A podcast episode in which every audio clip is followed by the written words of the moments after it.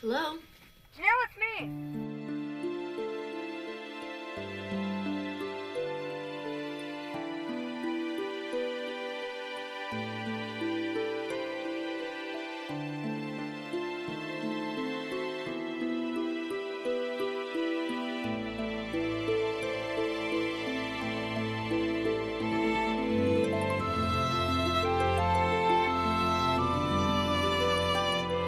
Hei og velkommen til Lolbua. I dag skal du bl.a. få høre om 1991.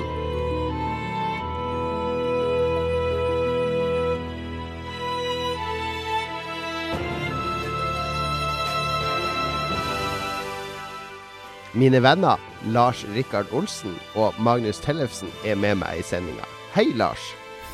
Hallo, robot Jon. Det er du som requesta en litt sånn stivere intro, eh, var det ikke det du sa? Proffere. Proffere var det jeg snakka om. Proffere. Ja, du har, for du har, du har til og med skrevet sånn manus til intro med sånn parentes med vent 0,5 sekunder og sånn. Hva kommer det av? Nei, sånn at jeg kunne liksom klippe det bra i starten. Uh, uh, nei da, men nå, nå kan jo Nå kan jo nå, nå gleder jeg meg til å høre det her på nytt, da, for å høre den magiske effekten i starten. Ja vel. Nei, men det Så lenge det er morsomt, så er det bra. Ja, så lenge det er morsomt, er det bra. Og det er du enig i, kjære Magnus Tellefsen. Ja, kjære Jon Cato. Det er alltid så stress når vi har quiz samme uke, for da ser jeg deg liksom dagen før vi har Lolbua. Altså, det blir litt sånn overdose av Magnus. Jeg blir litt lei. Jeg blir òg Ja. veldig lei. Ja, men det er bra. Vi snakker ikke så mye på den quizen sammen, for vi vil ikke bruke opp samtaleemnene. Nei, altså, vi er jo ikke så Dere liker jo ikke hverandre. Ikke i det hele tatt. Nei, vi er jo arbeids, arbeidskollegaer. Vi skal jo ikke være venner, da, syns jeg. Jeg syns ikke arbeidskollegaer skal være venner. Nei, jeg er helt enig. Jeg må ikke mikse business og pleasure, som de sier. Ja, har, du, har du noen arbeidskollegaer som er nære venner, Lars? Nei, egentlig ikke. Det var, jeg var venner med, med mange da jeg studerte journalistikk, men etter at jeg ble journalist, så dabba det Ja, når man er student, da skal man få venner, da. Men når man er i arbeid, så ja, Jo, man kan jo Altså, jeg ble jo Vi jobba jo sammen med og Magnus. Det var jo sånn vi ble venner. det var jo faktisk det. Men hele akosmikktida Jeg har fått meg mange gode venner etter å ha jobba i akosmikk. Men det var jo Det var et Ja. spesielt sted å jobbe. Men det var på Akersmik, da. Det var ikke på Spiderman. Der har du ingen gode venner. Jo da, det har jeg der òg, men uh, Akersmik er Du har liksom- skaffa deg venner alle steder du har jobba. Hæ? Kanskje ikke i Farojournalen. Men jeg vet ikke hvem som er venner uansett eh, hvor de jobber? Det er jo politifolk. Enten så er de verdens beste venner, og så dør han ene, og så vil han andre aldri ha en ny venn på arbeidsplassen. Eller så er er de loners hele tida. Ja, men de er jo ikke venner med han kapteinen. Han som bare roper 'Olsen, inn på kontoret nå! Hva faen har du gjort?' Nei, men du er aldri venn med sjefen. Det merker vel du nå, Jon, når du er sjef. Ingen som vil eh, Ja, invitere er- deg hjem. Det er ensomt på toppen. eh, Det kan jeg skrive under på. Neida. Vi, vi, er, eh, vi er i gang med episode 91, og som vanlig så skal vi da ta for oss året. 1991, spillåret 1991. Eh, Nå har ikke jeg vært på Wikipedia denne gangen, fordi forrige gang så klarte jeg liksom å finne to ting som hadde skjedd, og det var noe med Thatcher og et eller annet annet, så spora det av. Så vi holder oss til spillåret. Vi prøver ikke å være mer intellektuelle enn vi, eh, enn vi faktisk er, som ikke er spesielt mye. Det var veldig velformulert. Ja, det var vakkert. jeg felte en liten tåre, kjente jeg. Jeg leste Det var fortsatt, det er fortsatt på manuset til Lars, da. Det tar No way. jo Og så vent 0,5 sekunder, Jon. Der! Ja, nei, det glemte jeg. Kan vi ta det? Vi starter hele Lolbua på nytt.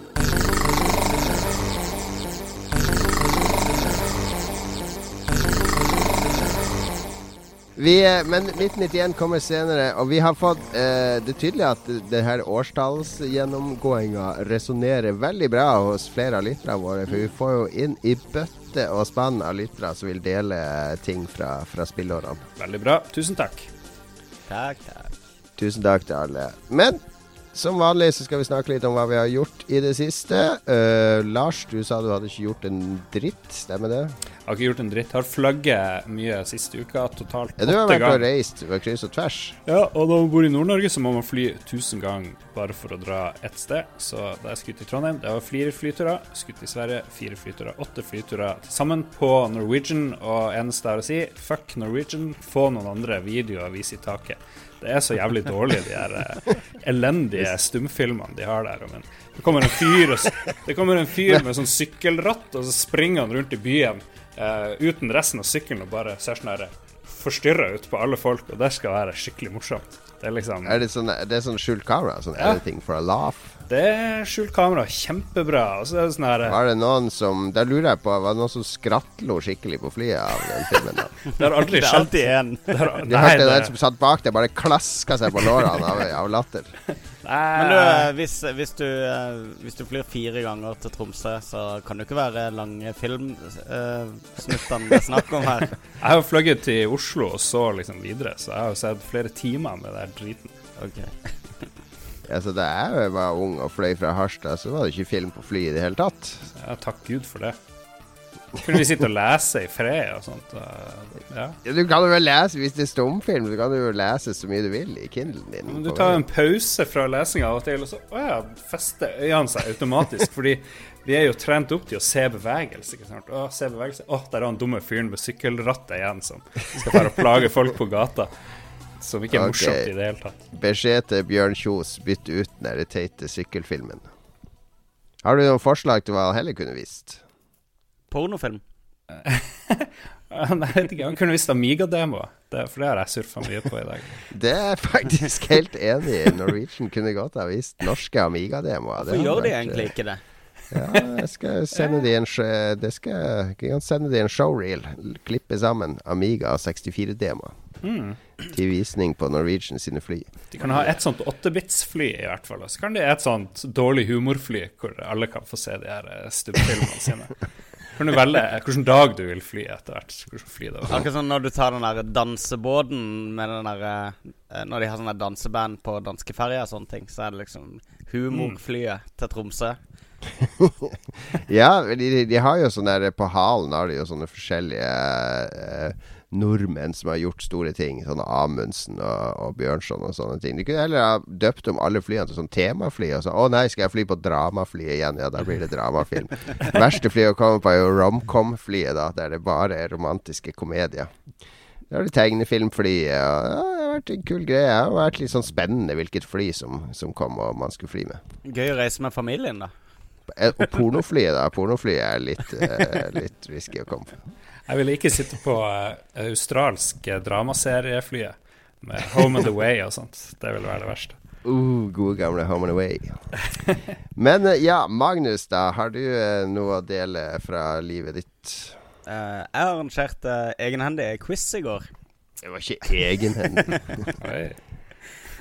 Nei, Ja, vi jo, vi arrangerte quiz i går, Jon. Ja, veldig bra quiz i går. Det ble en veldig bra quiz. Det var ikke like spekka som det var ganger før, men um, Ja, det var 18 lag, da. Det er Ja. mye.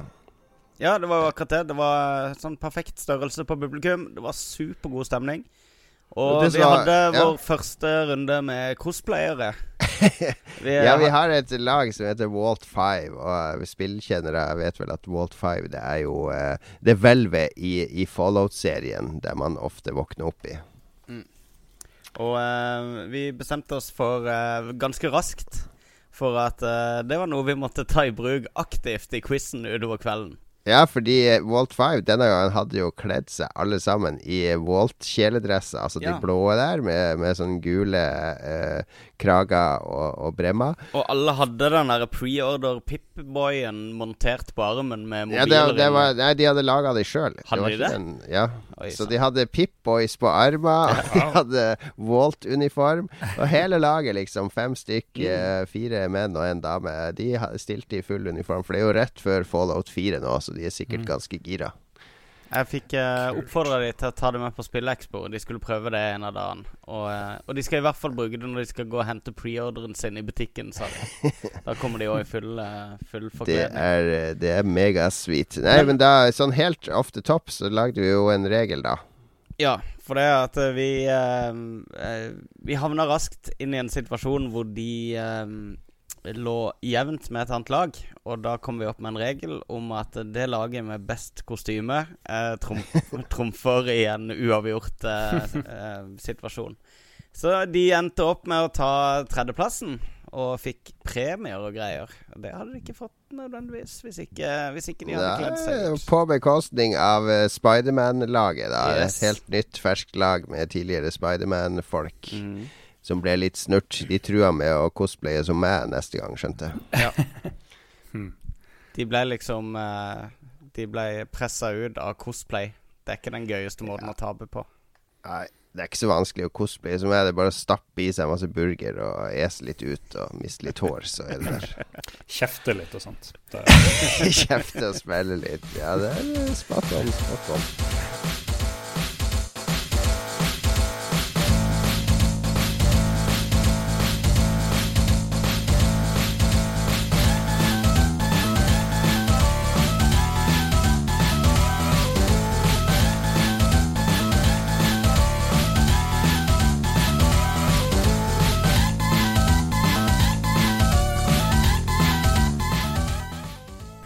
Yes, nei, jeg har, hatt, jeg har gjort ekstremt mye forskjellig denne uka. Jeg kunne egentlig delt alt mulig.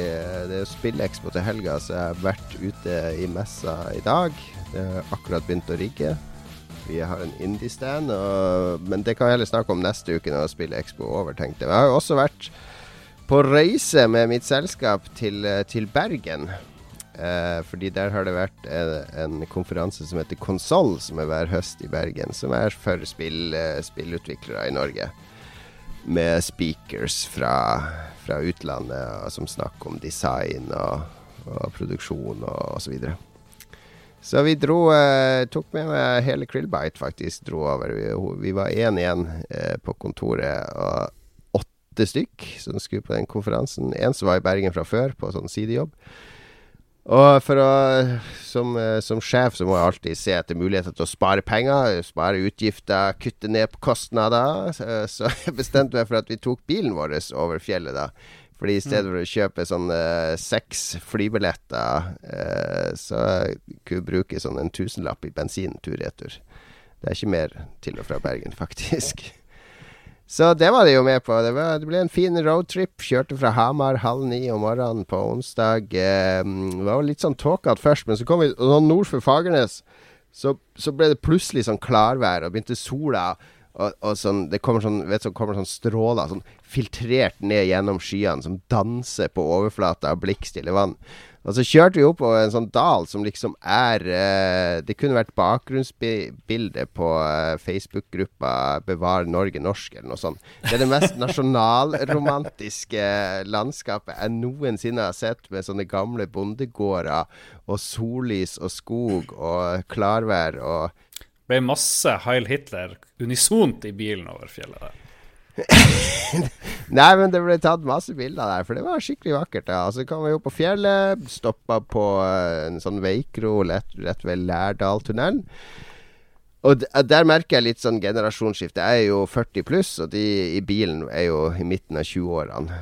Eh, så det er jo to forskjellige generasjoner. Og når jeg stopper på veikro eller noe sted for å ha meg mat, så tror jeg, og det tror jeg Lars er enig i, da, da går han for burgeren eller Mm. biffsnadderen eller Ja, bur burgeren er klassisk, da. Burger, ja. burger og pizza for meg og Lars, det er jo gourmetmat. Det er jo det ypperste man skal spise når man skal kose seg. Så jeg gikk for den burgeren, da, og alle de andre i bilen De kjøpte kjøttkake med ertestuing. What? I bilen? Nei, ja, vi stoppa jo. De andre Vi var jo seks stykker i bilen som skulle Ja. kjøre over til Bergen. Var det din bil, forresten? Ja, det var min bil. Hyttebilen som du har kjørt med mange. Brukte du samme hyttemiksteipen? Ble det Booyah Ja, jeg kommer, jeg kommer til det. Det er også en eh, viss generasjonsforskjell, har jeg skjønt. Men eh, ja. eh, vi spiste jo det greia her. Jeg tror det er sånn at, at for oss, når vi vokste opp, Lars, vi fikk jo så mye kjedelige middager som torsk og ertestuing og alt sånn, at burger og pizza ble for oss det vi trakter etter. Men jeg tror, kanskje det er motsatt for de som vokser opp nå, da. Kanskje de får så mye pizza og burger når de vokser opp, at det der, eh, de søker mot den der eh, Det trauste? tradd, tradd traustkosten. Fordi Ja, ja. det var noe de har blitt berøva for i barndommen. Der sier du noe. Ja. Eller kanskje det var bare at de var så langt borte hjemmefra at de begynte å savne mors eh, kjøttkaker umiddelbart og bare Det, det kan hende. Men vi dro i hvert fall videre fra kroa. God lunsj. Kjørte gjennom Lærdaltunnelen. Eh, Har dere hørt om den tunnelen? Ja. Ja, det er eh, verdens lengste biltunnel. 24,5 km rett fram i mørket. Er det verdens Eh. lengste tunnel offisielt? Nei, du ja, for biler. Det finnes lengre tunneler for tog og sånn. Men eh, det er verdens lengste tunnel som biler får lov å kjøre i. Mm. Så det er litt kult. Det er, det er litt morsomt å kjøre den. For den har, den er, det går rett fram, da, så det er ganske kjedelig. Det tar jo 20 minutter å kjøre gjennom den i 100. Men tre steder Så de har spredd ut tre sånne svære kammer eh, midt i tunnelen. Og de kameraene er opplyst med sånn blått og gult lys. Så når du nærmer deg de, så ser du sånn blått lys langt borte i horisonten, og så blir det større og større, og så kommer du plutselig inn i en sånn diger sånn her Dovregubbens hall med blått og gult lys. Ja. Og det er den sånn der eh, psykedeliske opplevelsen. Bare wow! Hvor er vi nå? Altså bare jo, er du inne i mørket igjen. ja, det, men de har visstnok satt de der fordi folk ikke skal få klaus. eh, Ja. Du får litt sånn OK, du er, du er progresjon. Det er ikke Ja. bare rett fram i mørket i evig tid. Så Eh, du ville ikke kan- anbefalt den til et sånt Forsa-spill, at det var noe Lærdalstunnel-innslag der? Kjører du bare rett frem? Det er jo bare å kjøre rett frem. så det er ikke noe stort innslag. Men vi, vi kjørte videre til Bergen, og som, var, i, som vanlig i bilen så hørte vi på mine fantastiske mixtape-CD-er. Der det er en eh, stor bredde i musikk. Alt fra 60-tallet til 00-tallet. Fra black metal til uh, syntballader. Det, mm, eh, det, det ble vel ikke noe sånn umiddelbar hit blant eh, mine, mine eh, kolleger. Hva, du må jo sparke folk her, tydeligvis. Eh, jeg tror de fleste av de var frustrert over at det ikke gikk an å spille fra mobilen, da. Fordi det å bruke CD Jeg hadde sagt på forhånd da at alle kunne få lov å ta med brenne CD og ta med seg, men brenne CD er et sånn fremmed konsept for ungdommen. Hvorfor skal man brenne musikk på CD? Det er jo helt meningsløst når du har Spotify og Jeg har ikke CD-rom engang på PC-en min nå. Nei, nettopp. Nettopp. Ja. Men vi kom i hvert fall frem til Bergen, tok inn på en kjekk Airbnb, ut og spiste eh, pinnekjøtt på Oi. en bedre restaurant, Wesselstuen. Um, som er en slags bergensk eh, Kanskje ikke teaterkafeen, men det er litt sånn upper class. Etter det så dro vi på sånn lanseringsfest for noe som heter Snow Cannon Games. Som Ja. er eh, Ja. Det er sånn distributør, norsk spilldistributør, eh, der mange forskjellige aktører er med. Det var på et bibliotek.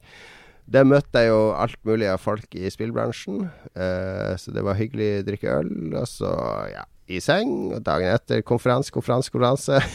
det kuleste foredraget, det var han, en som heter Lee fra Double Fine.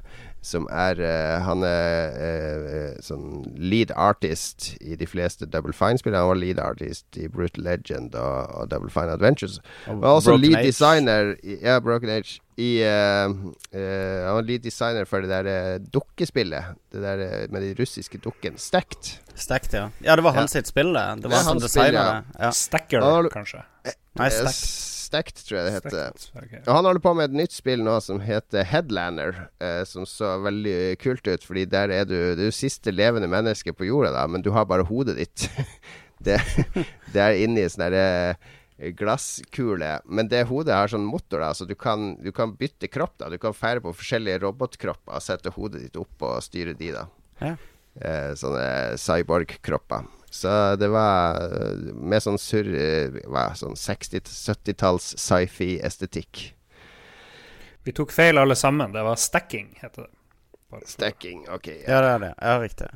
Og da, eh, men han hadde et utrolig kult foredrag da om, eh, om grafikk, grafikkstiler og sånne ting som var forståelig eh, for alle, ikke bare grafikere. Så skulle vi på den store konsollfesten, og den var i Grand selskapslokaler, som var eh, det, er, det, er, det er sånn sted der eh, Herman Friele sin nevø konfirmerer seg, antagelig. Som koster sånn en halv million å leie.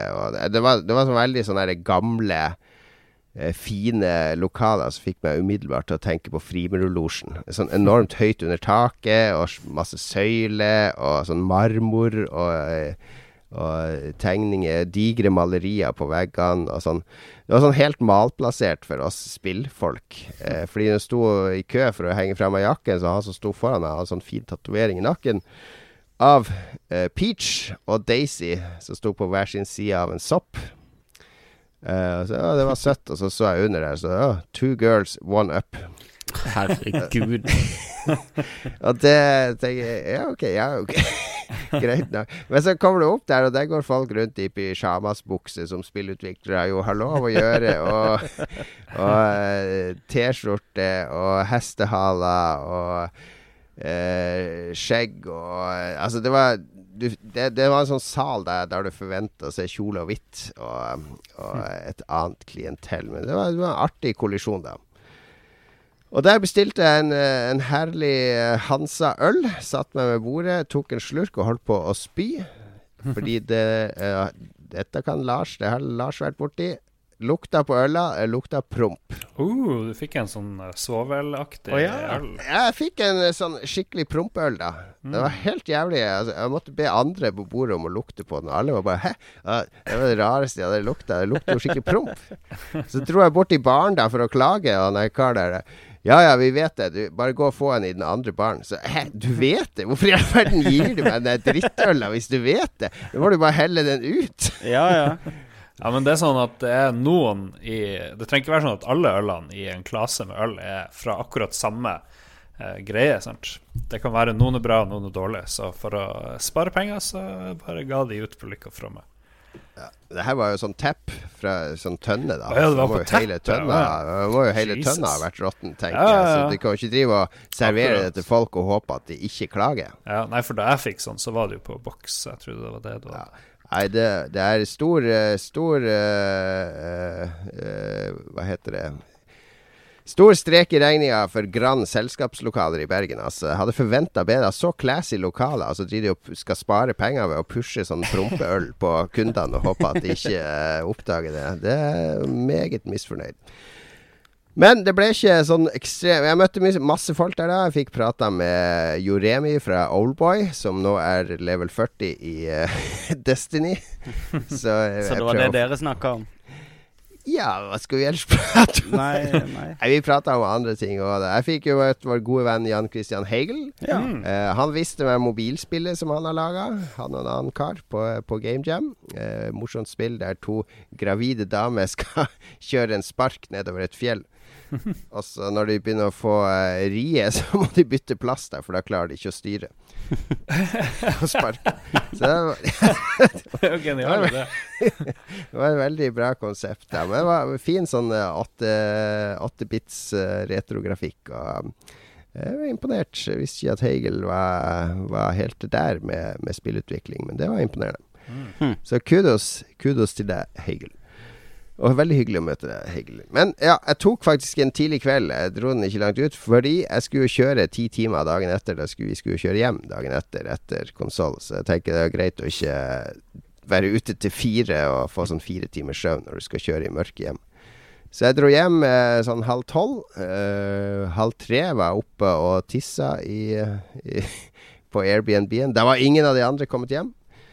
Uh, og syv, da sto jo jeg opp, glad og fornøyd, og ute og kjøpte ferskt brød hos bakeren og begynte å lage frokost i Airbnb-en. Begynte å vekke de andre, da. De er jo unge, da. Hadde jeg vært ute til halv fire, så hadde jo ikke jeg fungert dagen etter. Det gjør jeg ikke i min alder. Så det er bra de er unge spretter opp og dusjer og mm. spiser og kommer seg på workshop og og ja, dagen gikk greit. Eh, jeg skulle egentlig prøve å sjekke ut noe som heter eh, Royal eh, Burger and Gin, som har åpna i Bergen til lunsj. Åh, oh, det høres ut som Fordi, sånn hipster Ja, det er, det er, noe av det mest hipstere jeg har hørt. Og det jeg så på TripAdvisor, det så veldig hipster ut. du må ha snurrebart for å komme inn. Ja, de lager gourmetburgere og serverer gin til. Har sånn ginbar.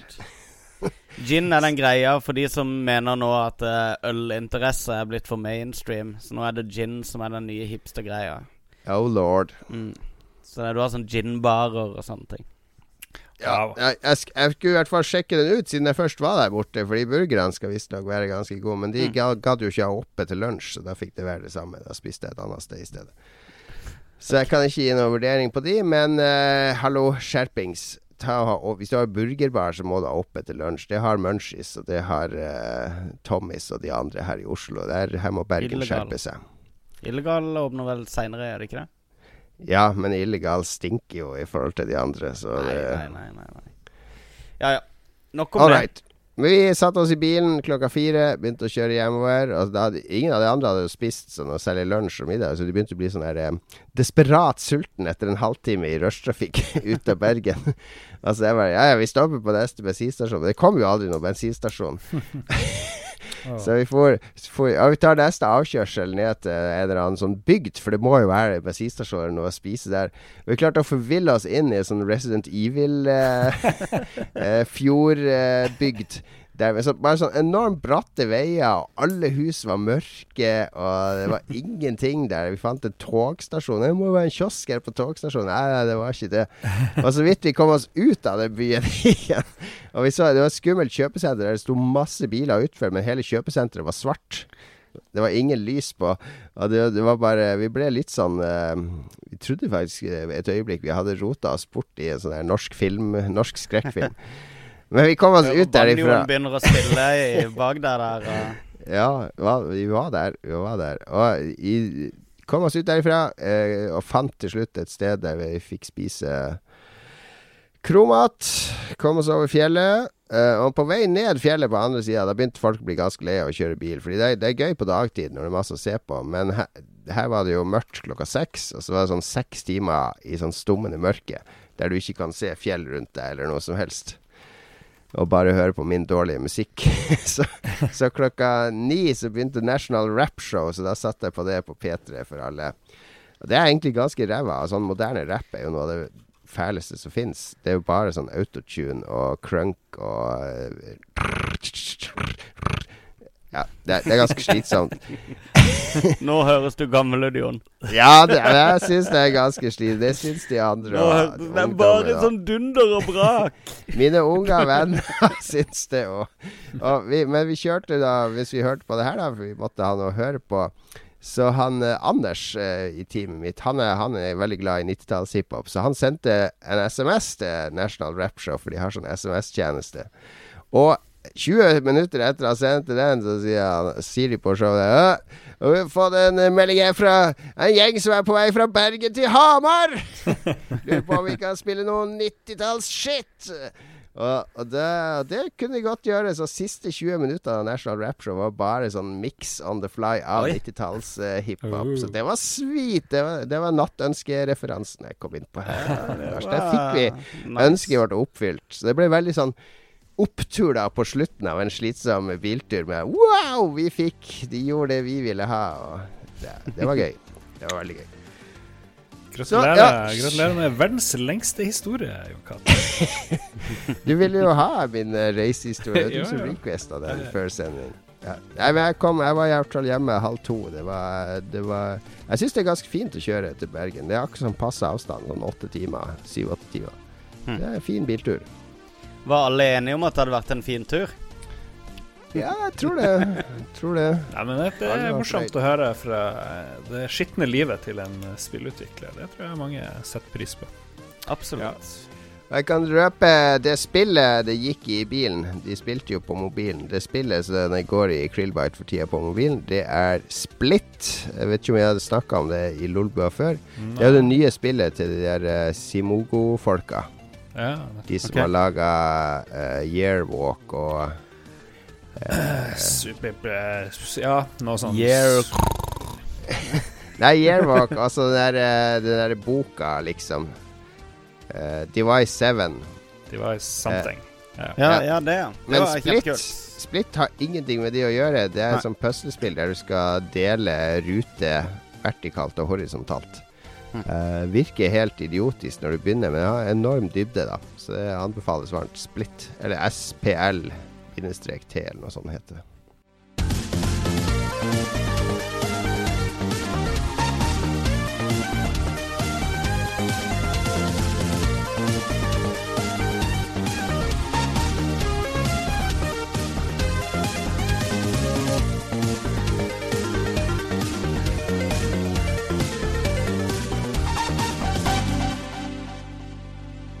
Ok, og så eh, Men mandagen etter jeg kom hjem, da så skulle jeg på en ny reise. Så da Nei da, det, det får holde med Vi fikk Forrige gang hadde sånn reisehistorie, jeg prøvde meg på det. Det er jo fordi vi har Dave Lang som vårt store forbilde, med og Lars. Så jeg, kan, jeg skal prøve å sprite de litt opp, de historiene. Jeg må jo bli litt fullere og må, jeg tror han lyver litt òg, tror du ikke det?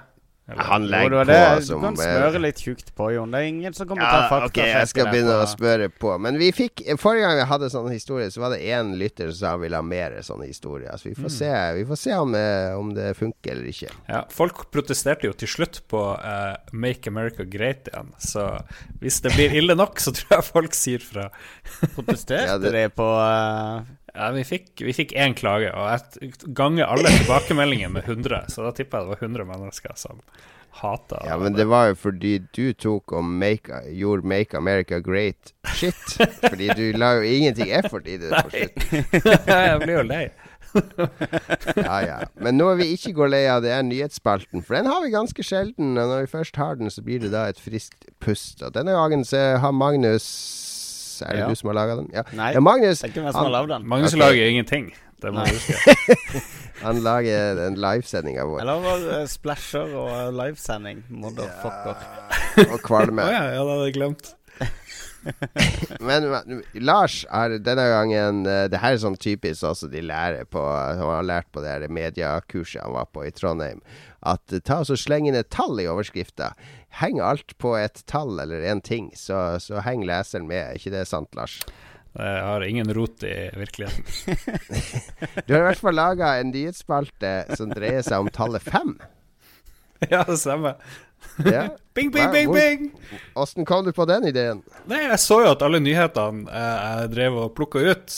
To av de hadde tallet fem, og så kom neste av tallet fem, og så neste igjen, og så begynte jeg å lete etter nyheter med tallet fem. Så eh, Ja.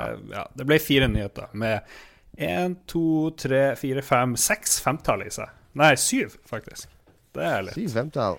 Hvis du teller V for som fem, i hvert fall. ja, nettopp. Ja, det ser jeg. Ja, 7 ganger 5. Det blir 35, da. Ja, kan vi tolke den ut av det? Dette her er det kuleste segmentet til nå. Du vet jo også at, eh, at uh, favorittallet til Illuminati er jo fem. Er det det? Ja, fordi han uh, Beethoven han var jo med i Illuminati. Skjebnesymfonien begynner dy, dy, dy, dy. Det er morse for fem. Hvorfor er ikke morse for en- fem bare fem prikker? Ja, liksom? Hvorfor er det 1, 2, 3, 4? Hvorfor er det morse for 5? Ja, det er di, di, dy, dy. Det er, det er skjebnesymfoni. Jeg er morse for fem. Jeg har lest Det er det, sånn på nettet. Jeg har lest det sånn på luring. internettet. Jeg har lest det på internettet, så det må være sant. Ja, det er, det er All right, sant. nyhetsspalten Det betyr at, det betyr at er morse for én er null, fordi det er bestandig én prikk mindre enn det tallet. En sånn morsedude, han vil alltid gå og høre 1, 1, 1, 1, 1, 1, 1, 1. Nyhets... Edition. Nei, ny, nyhetsspalten Tallet 5-edition. Vår Yes. nyhetsoppleser Magnus Tellefsen sitter klar. Han har tallet 5 i sin munn.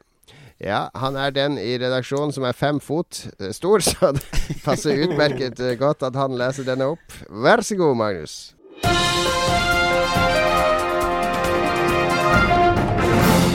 Halo 5 har solgt mest av alle spill i serien på launch. Til sammen har Halo-universet solgt produkter for 5 milliarder dollar. Yes. Ja, da har vi to femtall allerede. Jeg tror det er det Ja. viktigste med hele nyhetsspalten nå. Det er å holde følge der hjemme hvor mange femtall vi har nevnt. Svar er to, og det blir ti. På morse er det pip, pip, pip, pip, pip, pip, pip, pip, pip, pip. Jeg har spilt, eh, jeg har spilt noe, ikke hele. Ja, riktig. Jeg har spilt gjennom det en gang alene, og så har jeg spilt gjennom det i coop med et av quizlagene våre, faktisk. Ja, for det er ikke noe split screen Jeg, jeg hadde en i kollektivet mitt. Han skulle ut og kjøpe Xbox One nå fordi han og, og, og Koda ja, alltid, De har spilt gjennom alle Halo-spillene sammen. Så ja, Ja. det, er noe, det er ikke noe split screen i Halo 5. Han Nei. What? Det, det var som om jeg hadde slått han i trynet. How can they do this?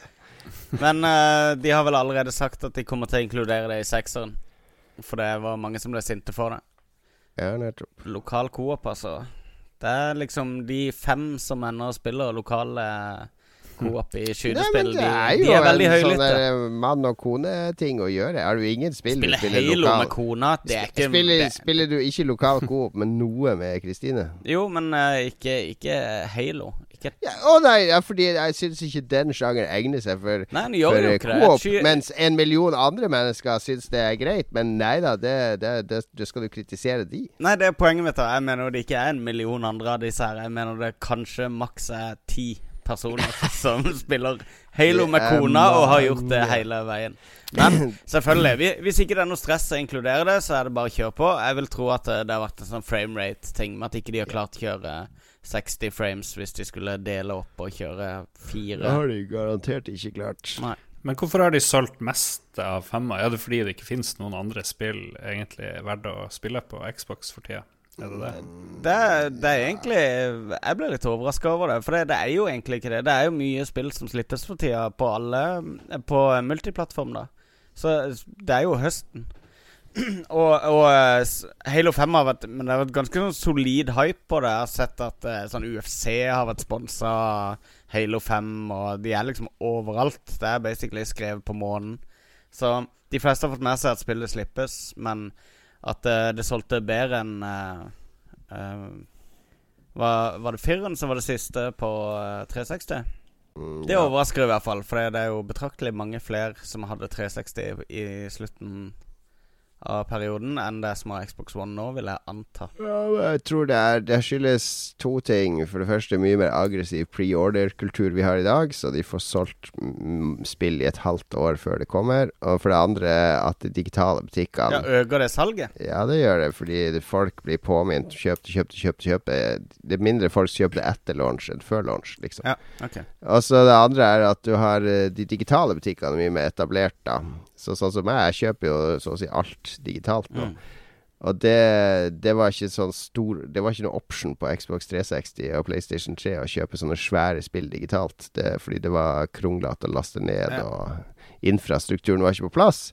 Så jeg tror veldig mange som godt kunne vente tre-fire uker til de var tilfeldigvis var innom butikken og sa 'Å, der var det er Halo kommet', ja. Ja. De, de, kan, de kjøper det, eller når de slår på Xboxen og ser 'Å, der er Halo kommet'. Så det, du, du selger det lettere, fortere.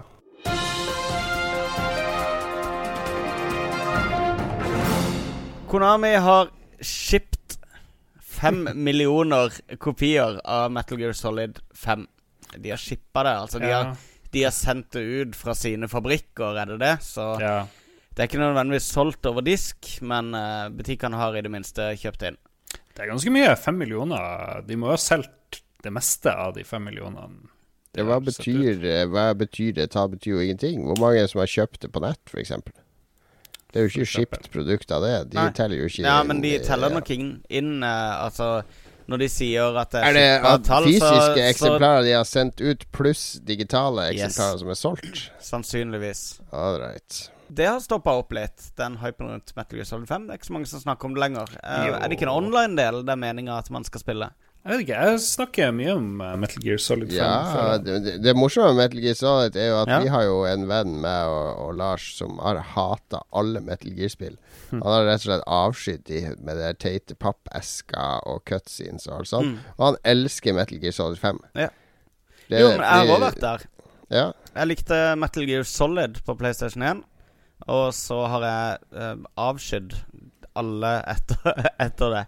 Men jeg føler bare at eh, støvet har lagt seg litt rundt tittelen. Men det har nok litt med at det kommer Det er jo sånn med alle spill. Altså, Ja. Om en måned så har støvet lagt seg rundt Halo 5, og da har støvet lagt seg rundt uh, bare Destiny, der støvet nekter å legge seg. Men nok om Destiny, vi går Og videre til apropos støvet legger seg rundt eh, titler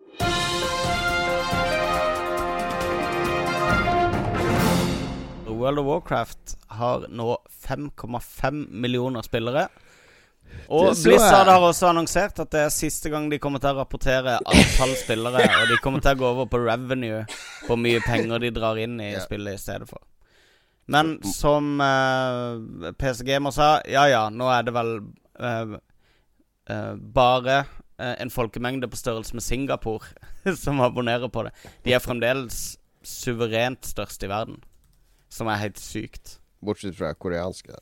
Ja, bortsett Ja, Uh, jeg vet Ja, jeg vet ikke om det eksisterer lenger. Det, Jo, jeg tror det er bare at vi orker ikke å skrive om de. De som hadde 25 millioner spillere. Jeg husker Det er akkurat som når du skal snakke om film, de største filmene i verden. Ja, Ja, det jo men hva med, hva med de indiske? Nei, nei, det er ikke så viktig. Det er, eh, det er Star Wars og eh, Men, men i hvert fall ehm, 5,5 millioner spillere. Jeg syns mange snakker om at det er så lite. Jeg syns det er sykt imponerende at de har klart å holde på så mange spillere gjennom så mange år. De har vært veldig flinke til å fornye og uh, pusse opp og uh, ja. Og oppgradere det de kan, og, og tilføre ikke nye ting. eh, de har ikke vært flinke nok, da, siden halvparten har forlatt spillet. Men 5,5 millioner spillere abonnerer fremdeles på spillet. Jo, Det- det er halvparten av det det var for noen år siden. Ja, men det er jo også et spill som har eksistert i hva, tolv år nå. Det er sant. Det er Ja, sant. ikke sant? Altså, det å holde på folk, det Husk at er Destiny har 25 millioner spillere. Ja. Se om de har det om ti år til. Men vi kan snakke om andre storselgere, for vi kan gå videre til neste Ja. nyhet.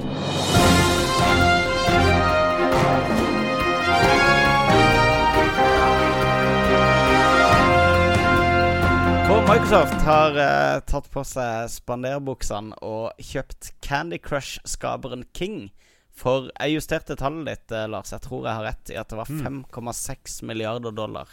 Ja, da justerte du vel også firmaet, siden det er Activision vi snakker om, og du Oi, du skrev Microsoft, ja.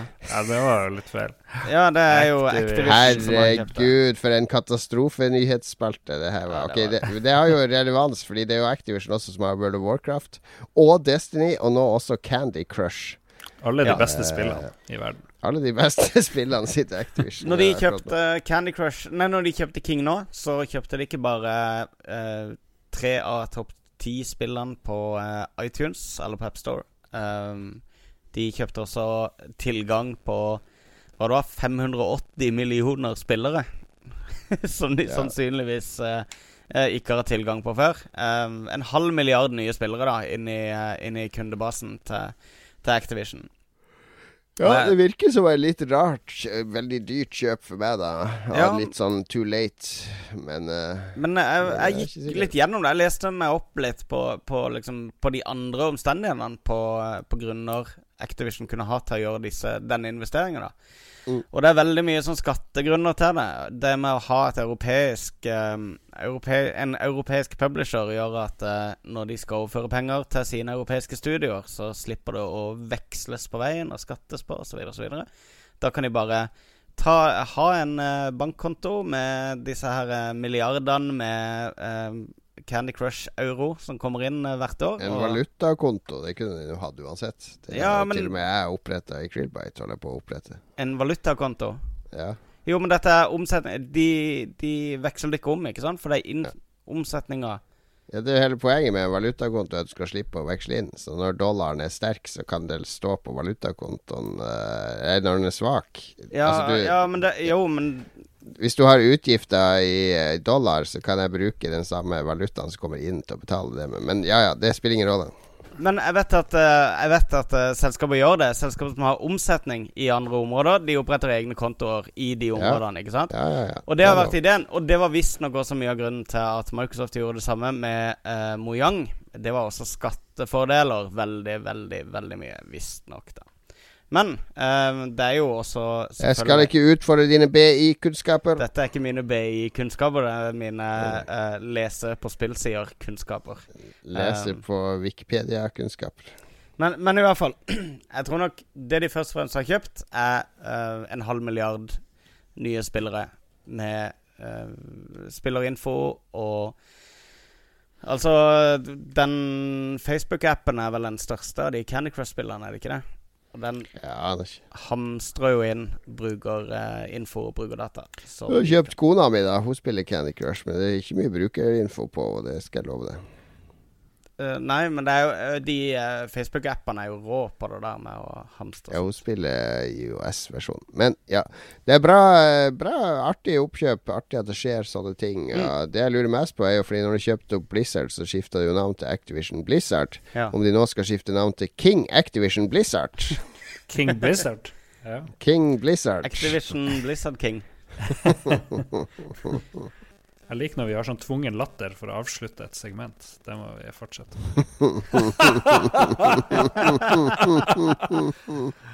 Peggy 7. Dragon's Lair. Time Warp. Kidnapped? Mm. Oh, Daddy! Idiot! Spirited away to a wrinkle in time by the evil wizard Mordrock. Daphne will be forced to marry the wicked Mordrock unless Dirk can save her. My Daphne kidnapped! Mine! Do it for the children. Three billion human lives ended on August 29th, 1997. Passio credentials. The year was 1991. It's not necessary to lay a foul tongue on me, my friend. I could get upset. Things could get out of hand. Closer, please. Closer. The hell is the goddamn dog barking? Hey! Shut up, you worthless piece of shit! I'm gonna tell the kid to get rid of that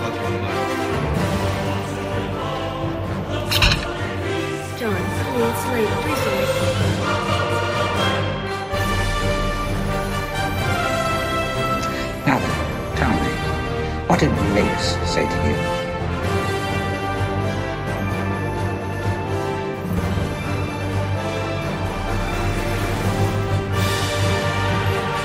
If I stay here, what you gonna do? Now, I really, really apologize. Would you put your hands on the steering wheel? He hissed at you. What did he say? He said, I can smell your cunt. I see. In any self-defense, I could do something to you you would not like right here. Anytime you feel squirrely, you just jump. You threatening me? You threatening me? You catch on fast. See, if you get on that radio, you're going to find out that we're wanted in two states and probably considered armed and dangerous. I am. And, and then our whole plan's just going to be all shot to hell. Boys, take his gun. Take his gun, boys. Året er 1991. Det var vel det året der første eh, Irak-krig eh, var vel i 1991. Det eh, det Desert. Storm. Det var også det året kong Olav døde, husker jeg. For da var på vei hjem fra Stangnes. Vi hadde spilt rollespill. Det var klokka ett på natta, og så skulle jeg på radioen, og så hørte jeg bare Kong Olav er død. Det var sørgemusikk hele natta. Vi var i avisen med klassen vår fordi vi var eh, Vi dro opp på et sånt grendehus med klassen vår for å se eh, begravelsen på TV. Oh. Så, så tok de bilder, så gjorde de en sånn sage. Du sto og sørga. Ja, vi var jo så lei oss. Men eh, det var trist, det, da. Bra, Ja, det var bra jo det. Han var liksom Det er jo kongen du har når du er barn. Han er jo liksom kongen din. Da, Mm. da, da ser du jo opp til kongen. Ja. Harald er fremdeles han nye. Ja da, han, Ja, Harald da. Rex. Men ja, Harald òg respekterer jeg for så Men Hva skjer når Harald dør, og når uh, han der Håkon blir konge? Har vi respekt for han? Teknokongen-dama dukker opp uh, som dronning. Ja, det blir jo Mette-Marit uh, dronning. Ja, jeg tror det går greit. Ja. Du er jo har- biased her. Hun er jo fra Kristiansand, så du har sikkert masse historier om henne du ikke kan fortelle her, men Det er korrekt. Der har vi det. Der har vi det. Um, Lolbua After Dark. Med, der skal vi avsløre Mette-Marit eh, behind the scenes en gang. Det blir sånn Det er bet- episode vi kan betale for. Kan vi ha at det Det kan være en sånn paywall, ja. paywall for den episoden der Magnus avslører alt om Mette-Marit. ja. Vi kan ha en egen Vi kan gjøre litt sånn Radcrew, at vi har en egen, eh, en egen podkast som bare heter Paywall. Så, hvor vi gjør kjempemye kjipe ting som er helt drøyt, og tjener penger på. Veldig god idé. Men det vi var 1991 vi fokuserte på. Jeg var også russ det året, forresten. Så det er et uh, fantastisk år, egentlig. Også spillmessig. Hva skjedde i 91, Lars? På spillfronten? Det skjedde jo utrolig mye rart. Det er den lengste lista vi har laga og lagt ut på Lolbua hittil, i hvert fall. Og så Ja. er det også eh, Spillene skal vi komme tilbake til, men jeg drev og kjekk på demo, eh, demoscenen. Vi nevnte jo litt sånn Amiga tidligere her i dag. Det var 91 er året hvor det kom flest eh, demoproduksjoner. Det var noen som hadde telt og lagd statistikk over det her, og 91 var liksom toppåret med over 2000 sånne demoscene-ting. Ja. Og det var jo helt ja. vilt, faktisk. Jeg tror vi, eh, gruppa mi It, vi sto for en fire, fire av de i hvert fall det året. Ja, det var helt sykt hvor folk produserte. Så jeg gikk gjennom noen demoer, så jeg fant en del kule fra Silence og Alcatraz. Hadde en som het Odyssey, som var en sånn 30-40 minutters lang demo. En slags epos som avslutta med en sånn herlig sånn gitarmusikkgreie. Så er det vel 91 er vel også året hvor The Party ble holdt i Danmark, som et av de mer store Mm. eh, demopartyene. Så eh, ja, nei, 91 er et kult år, det. Jeg husker du, Mm. du har sagt at nega, nedturen i sånn spillverdenen begynte, begynte i 90, faktisk, eller noe sånt. Du må Hvem har sagt det? Jeg sa det forrige gang. Det er det teiteste sånn. jeg har hørt. Jeg jo var litt eh, negativ. Det er helt uenig. 90-tallet er storhetstida for adventure-spill. Og, og, eh, og veldig mye Du vet jo uh, Adventure-spillernes storhetstid var på 80-tallet med Nei, det var det Infocom, eh, Magnus. Nei, det var det ikke. De Nei, nettopp. pika på 90-tallet. De, det bygde seg opp en, en sjanger, en, en spillkategori på eh, 80-tallet, og så endte det opp. Så blomstra det. Ja, Så ble det kommersialisert med grafikk og bare sitte og trykke vilt rundt Kato, for å du klare det. være må være for fornøyd med 91. Nei, nei, nei. Du må Ja, være 91. Gammel Jeg og skal, jeg bitter. skal Get off my lawn. Åpent sinn. Åpent sinn. 91 så kom Lost. Treasures of Infocom, eh, Jon, så det bør du like. Ja, jeg har, jeg har Lost Treasures of Infocom i flere varianter. Og masse. Infocom-originaler. Og den kom Men, først der. ja. Og så kom Legend of Zelda, Link to the Past. Det er jo kanskje et helt greit spill, eh, vil noen si. Mm. Det er ganske bra spill. Lemmings kom det året. Det satte jo mange spor, vil jeg si. Kom det i 91, altså? Ja. Eh, Sonic the Hedgehog uh, dukka opp eh, det året. Ja, det, nå ble jeg våkna Magnus. Uh, Street Fighter 2 Hvis en Lista går on and on her, så jeg anbefaler folk som ikke har hørt det, å gå inn på lolbot.no og finne en awesome liste jeg laga, med faktisk linker til absolutt alle spillene vi har lista opp. Pluss Ja, det var videoer. imponerende. eh, Skikkelig Det har du skikkelig lagt godvilje til, må jeg si. Ja. det er imponerende hva du kan få gjort i arbeidstida di. Ja, det tenkte jeg på. Har det skjedd så lite i dag? Jeg syns jo det er veldig gøy å gå gjennom eh, de, her, eh, de her årene. Det må jeg si. Ja, ja, ja. Civilization Community 1. Um, ja, Du har glemt det viktigste spillet foreløpig. jeg det, Monkey ja. Island 2. Monkey Island 2. Ja. Uh, James Pond 2, med du duell. Det er vel det du Eh, nei, jeg mente si. absolutt ikke James Pond 2. Ja, ja, det kom mye, mye bra. Skal vi ta noe Yes, leser... Vi kaster oss inn i leserbrevene, så kan vi heller ta for oss spillene når de nevner de. Ja, ja. Skal vi sjå. Vi kan begynne med han Anders By, som sier at Det er han barnebarnet til Erik By. Ja, han eh, var tydelig Tok seg ikke nær av vår hetsing av Erik By forrige Hva er det dere har gjort når jeg ikke er her? Vi hadde tror vi snakka i flere minutter om Erik Bye og Anders Bye. Ja, Anders By drev hadde inhalert for mye Eh, Det sånn kan være at han er i slekt med det Bye og Rønning. Det er Ja. også en annen by. Ja, Det er mulig, ja. mulig, mulig. Vi kan hetse han når vi har hørt hva han har. Det er ikke veldig vanlig etternavn, det er Bye. Så det er en av de tipper han er i slekt med. Men ja, kom til brevet hans. Jeg prøver å komme til poenget her. Han sier at Turrican 2 er en udiskutabel smaragd i Amiga-kisten. Med krisp og fargerik Amiga-grafikk, store, veldesigna brett med hemmeligheter å oppdage, og fete spillmekanikker som roterende maskingevær, eller at man kunne gjøre figuren om til en rullende sirkelsag. Metroid husker spesielt begeistringen da Turrican tok casen ned i en hangar og kom seg opp igjen som et romskip. Og da musikken begynte å spille Herregud.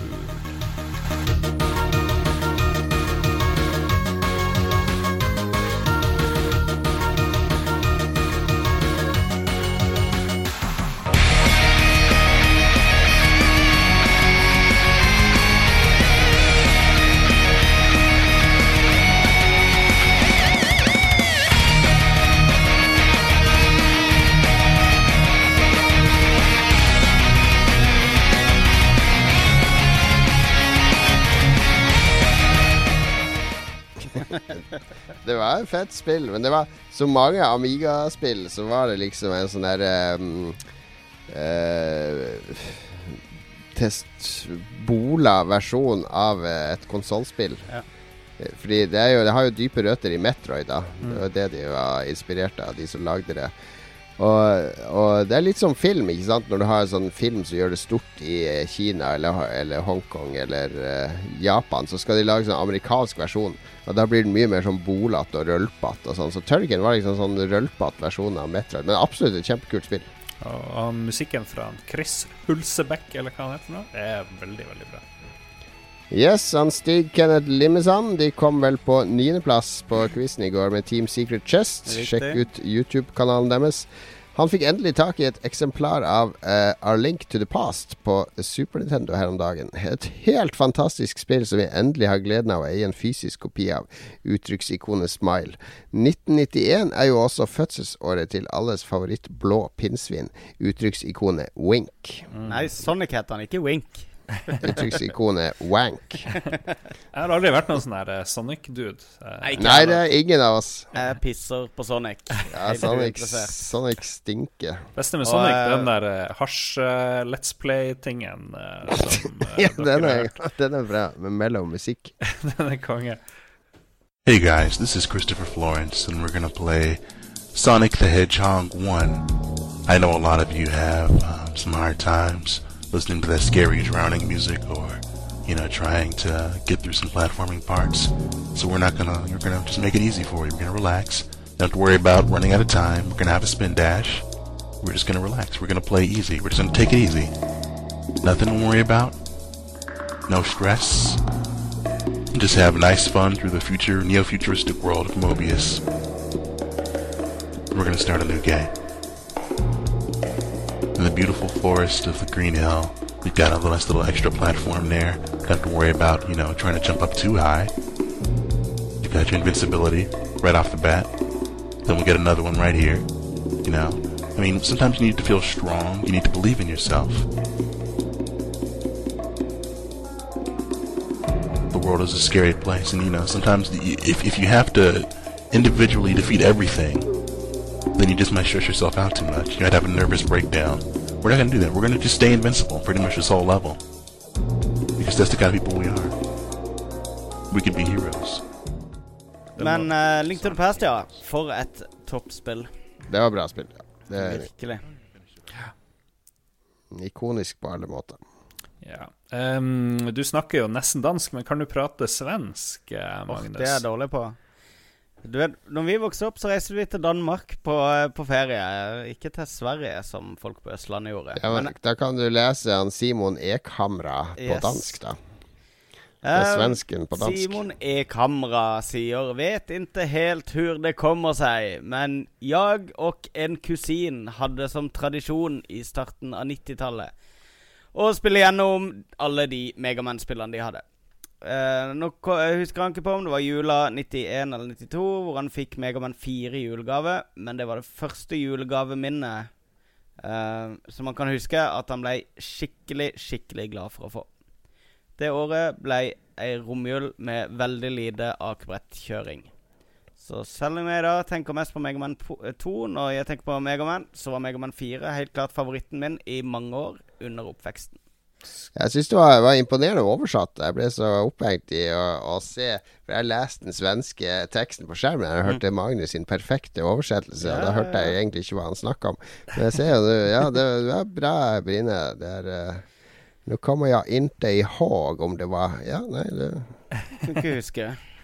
Julen Ja, men meg og en fire var jo Toeren, treeren, fireren, femmeren, de er klassiske alle sammen. Så, så jeg syns det er kult at folk kanskje kan henge favoritthatten sin på ulike Megaman-spill. Ja. Fordi Megaman 2 er liksom opplest og vedtatt. Men jeg kjenner folk som elsker treeren og fireren mer enn nå, så det er kult. Han Terje Brandvold, han bare sier Monkey Island! utropstegn. Ja. yes. Det er Terje Brandvold, som jobba i eh, Unsaco back in the day. Jon, du husker også han? Ja, det er han, ja. Ja. Ja, ja, ja. ja, Jobba med Nintendo-distribusjon. Um, og en svoren adventure-spill-fan. Han har sendt inn uh, flere meldinger underveis og kommentert på adventure-spill. Monkey Island, ja. Helt enig. Monkey Island 2, det beste spillet i serien. Udiskutabelt. Uh, og kanskje et av de beste adventure-spillene som noensinne er lagd. Oi, Ja. oi, oi. Har, Det Mulig. mulig. Grafiske adventure, da. Det er jo ikke bedre enn eh, Planetfall. Er det bedre enn Larry 5, som også kom ut uh, det her året? Det er bedre enn alle Larry-spillene til sammen. What?! Ja. Ok, da. Pablo pluss Petit Pingvinus. Uh, eller de fire P-ene, som han kaller seg i Lolbua. 1991, kolon. Den første nettsiden utviklet ved CERN går online 6. august. Samtidig går Terminator 2 på kino. Pretty cool. Du, var, det, var det han som, eh, som påpekte den der andre sammenhengen uh, fra et par uh Kanskje det. Kanskje siden? han er konspirasjonsteoretiker. Ja, ja, han, han nekter jo eh, å operere med eget navn. Det er sånn typisk konspirasjonsteoretiker. Han vil ikke at eh, CIA skal se hva han har spora opp av sammenhenger. Jeg driver og gjør litt eh, research her. Skal vi se. Ja, det var han Pablo Pluss som uh, gikk tilbake til 89 sist. Når Ja. han, eh, Tim Berners-Lee fant opp uh, World Wide Web, og PewDiePie ble født. Nettopp. Nettopp. ja, ja. Han er vår konspirasjonsteoretiker. Da forventer vi Hvis vi får flere fra han, så skal han få en sånn egen Pablos konspirasjonsteorispalte i hver episode, foreslår jeg. Men Terminator 2 på kino, det, det husker jeg godt det året. Fordi da jeg var jo i, eh, på rekruttskolen i militæret eh, i Fredrikstad den høsten. Og da var jeg hjemme, eller var i Oslo hos tanta mi hver helg. Jeg bodde hos tanta og onkelen min. Og den ene helga jeg kom der, så skulle det være premiere på Terminator på, eh, på lørdagen. Og så skulle de selge billetter på fredagen. Eh, Nei, de skulle selge billetter lørdag formiddag, så var det premiere uka etter. Altså neste helg. Så jeg dro jo ned Jeg bodde rett ved Colosseum der tanta mi bodde, så jeg dro jo dit sånn tre timer før billettsalget skulle åpne. Og stilte helt alene utfor. Det var før den der køkulturen. Jeg var sånn hipster som Ja, ja, starta ja. det her Jeg skal stå i kø for å se Star Wars eller Ringenes herre. Jeg sto i kø for Terminator 2. Jeg sto tre timer i kø helt alene da. Jeg vet ikke om det kan kalles en kø, da. Det kom en dude når det var én time igjen, da, og stilte seg attmed meg. Og, og, og det var oss to som kjøpte billetter da. Terminator 2 er jo fremdeles en veldig awesome film, så når du skulle stille deg i kø for noe, så er det veldig godt valg, Jon. Det må jeg si. Um, Ja. Og eh, 1991 Jeg lurer på om det finnes Ja, det var et bra, bra film. Ja. film. Filmer var bra på den tida, syns jeg. Ja. Jeg lurer på om det finnes sånn kultiverte folk som stiller seg i kø for Woody Allen-filmer. Eh. sover ute i telt og sånn der «Øh, 'Jeg skal på Woody Allen'.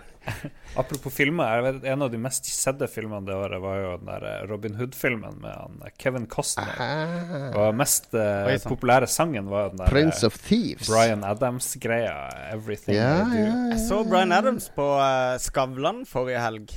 Um, Det var første gang jeg har sett han liksom prate.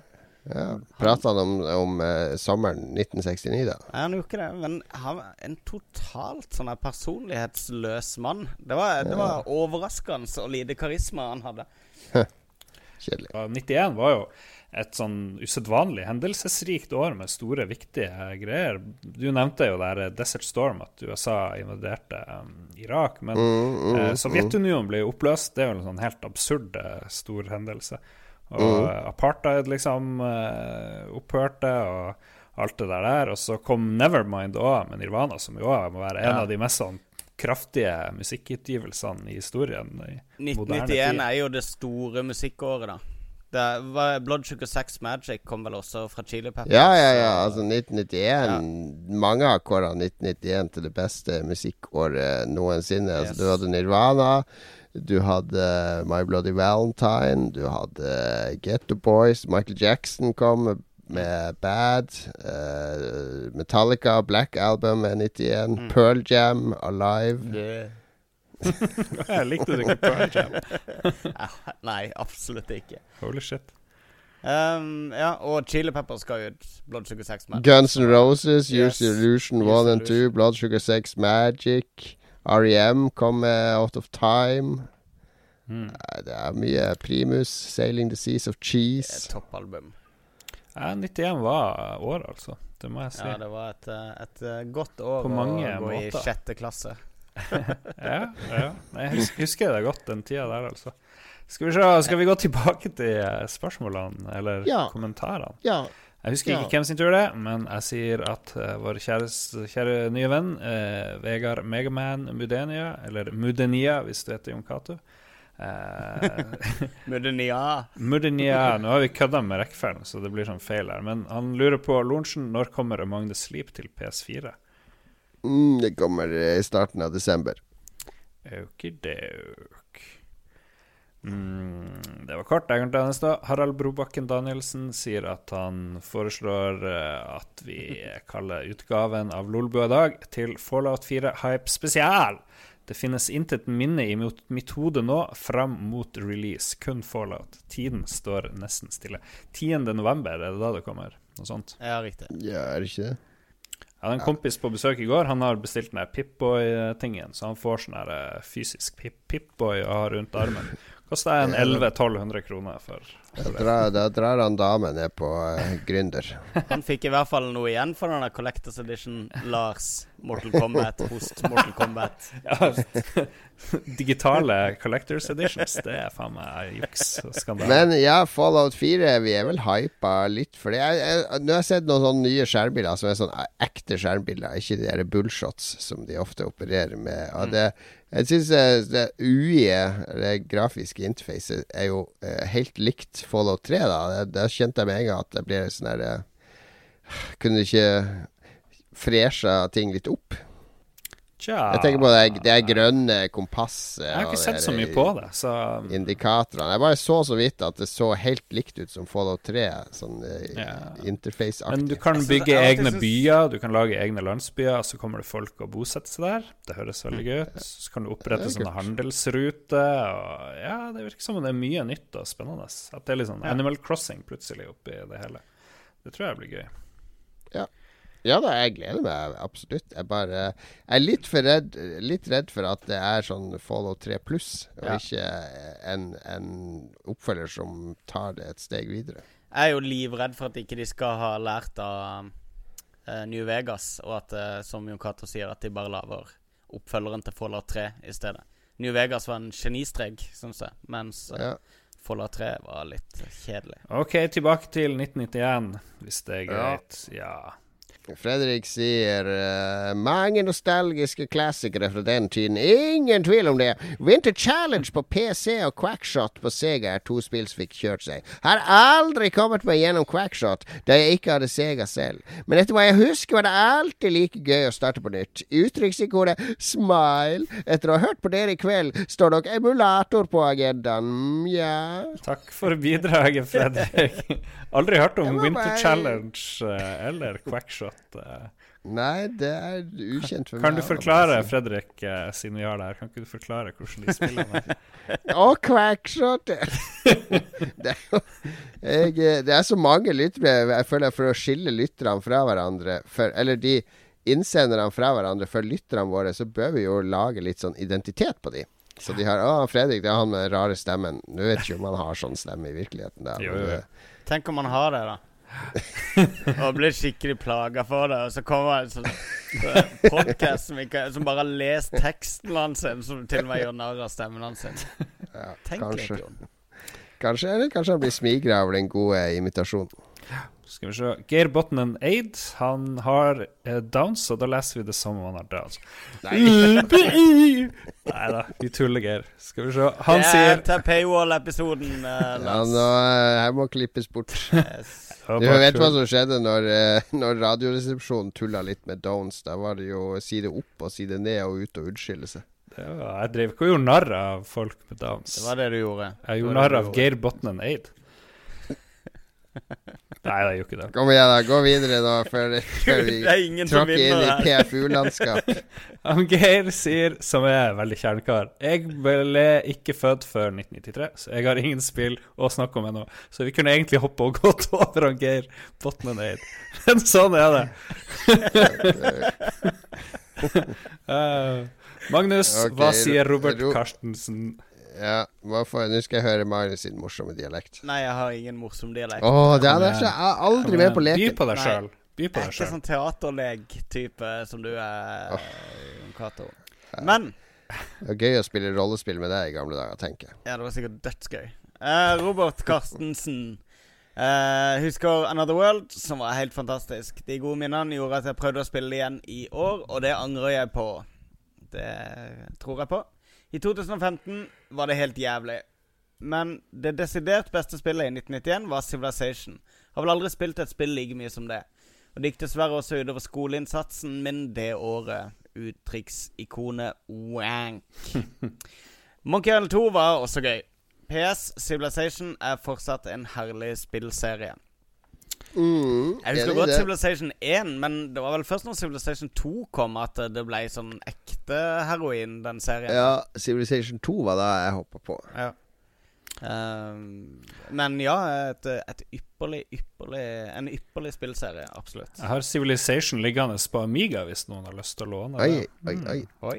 Ja, da. Jeg husker våre danske, våre danske strategispillvenner. De, de spilte mye Civilization. Men de er sånne som finner sånn der i, eh, Sånn cheese. Cheesa, da. Altså de, de, hvis fienden drev og gikk rundt på veier, eller hadde sånn styrker som bare kunne gå på veier, så for de og ødela veier, da. Så at, så at de ble stuck og bare kunne gå i sånn loop ved sånn vei som ikke leda noe sted. Det var mye, mange, mange sånne finurlige måter å lure A1 på i de gamle Civilization. Jeg kjenner eh, to stykker som er et par år eldre enn meg. De spilte fremdeles Civilization 2 eh, for bare en sånn fem-seks år siden. Eh, mye. Intenst hver kveld. Ja. Av en eller annen grunn. Så er det noen som finner seg spillet sitt. Uh, han, Men eh, Another World Ja, Another World. Han yeah. sier han har spilt det på nytt og angrer på det. Det skjønner jeg jo litt, fordi kontrollene er jo helt jævlige. Men det ser jo veldig bra ut, for det, Det var så spesielt bra men- i utseendet, syns jeg. Ja, det, grafikken var helt sinnssyk da det kom. Det var jo Oh. Another World og Prince of Persia og Hva heter det andre Another World-spillet? Uh, Som Flashback. Flashback, ja. Another, another world. Yes. The other another De world. rotoskopa, de liksom filma folk på ordentlig, og så tegna de, eller lagde polygoner ut av de. Og, Var det ikke et av de her som fikk en sånn der eh, remake nå nylig på konsoller? Ja. Var, det Jo, Another World Flashback eller var det. Flashback? Det var Flashback, det. Ja. Det er 20, 20 Den kom vel og gikk vel uten noe nevneverdig ja, det var litt skuffende. Spetakkel. Jeg tror både meg og Lars spilte det litt, gjorde Ja, vi ikke det? ja, Ja. jo da. Så kunne du spille på en emulator i selve spillet, eller på en arkademaskin. Kunne du spille gamle flashback, men med sånne teite kontroller og sånn krympa skjerm, og det var bare helt forferdelig. De bare prøvde å få det til å se så stygt som mulig ut. For å skjule at de hadde gjort dritlite med sin versjon. Ja, ja. Bjørn yes. Christian Johansen. Dæven, hvor skal man starte? Om 1990 var så bra, så toppa 1991 det året. Fikk litt overload av minner og inntrykk her nå.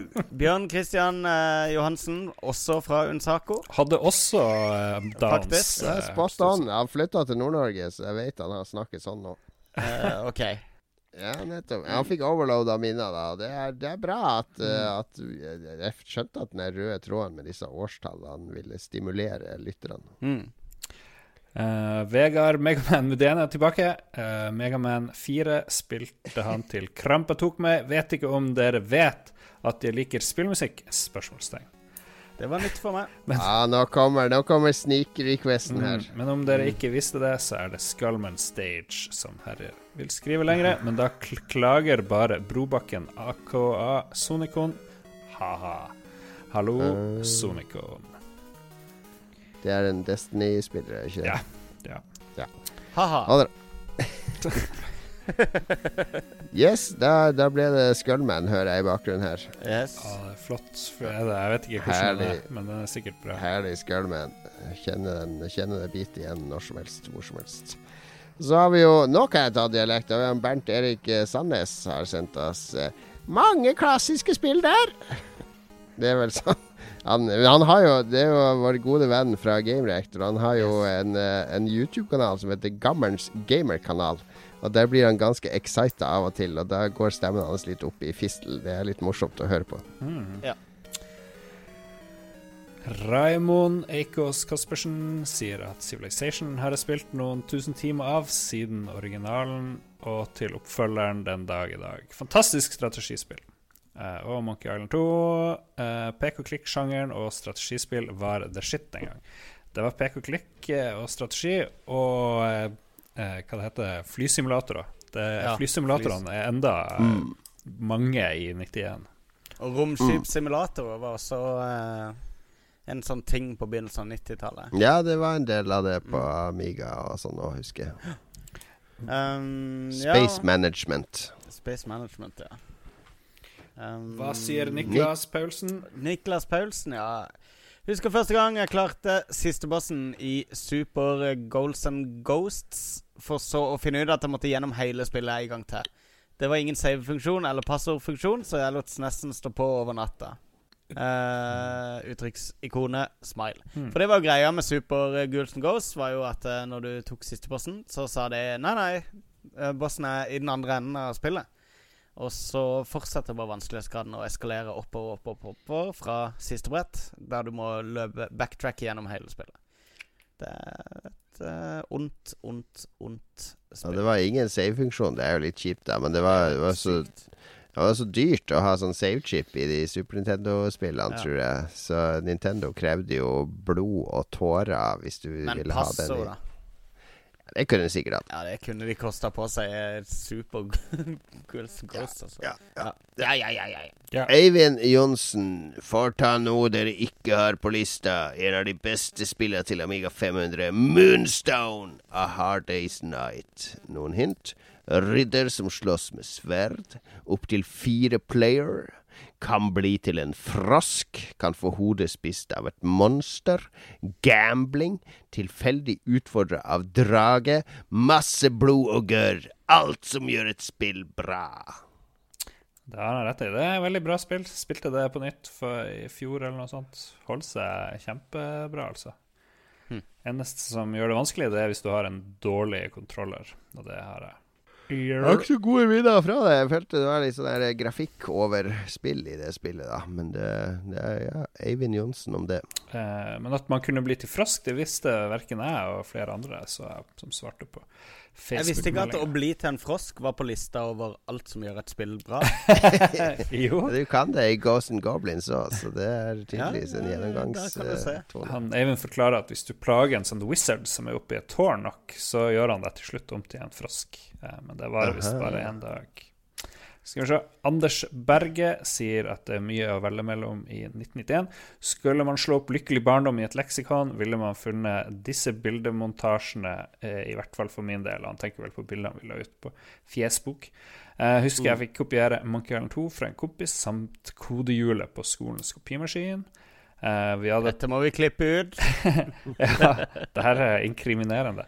Uh, han sier at vi hadde på den tiden fått et råskinn av en PC betalt av Statens lånekasse for utdanning. Commodore 8286 med hele 10 MHz prosessor og 1 MB ram. Wow! Wow. Satt i og venta Jeg tror um, Amiga var 7 MHz. Uh, satt og venta i spenning om jeg fikk kjøre spillet i det hele tatt, og jubelen sto i taket da Press enter to begin lame-o copy protection dukket opp. Yes. For Det et var det det het, ja. for et adventure-spill. Uh, mitt minne fra musikken i det spillet er dog PC Speaker-versjonen, tro det eller ei. Jeg syntes at det fenget, men jeg må nevne at jeg leide Super Nintendo på videobutikken for å spille A Link to the Past. Eneste kjipe var at jeg aldri fikk runda det, da man ikke kunne lagre på USB eller Cloud. Det er rart, det der. Du hadde jo SNES Cloud på den tida der. Ja, faktisk. Um, Another World, Civilization Lemmings, husker han også. I could go on. Absolutt, Anders. Tusen hjertelig takk.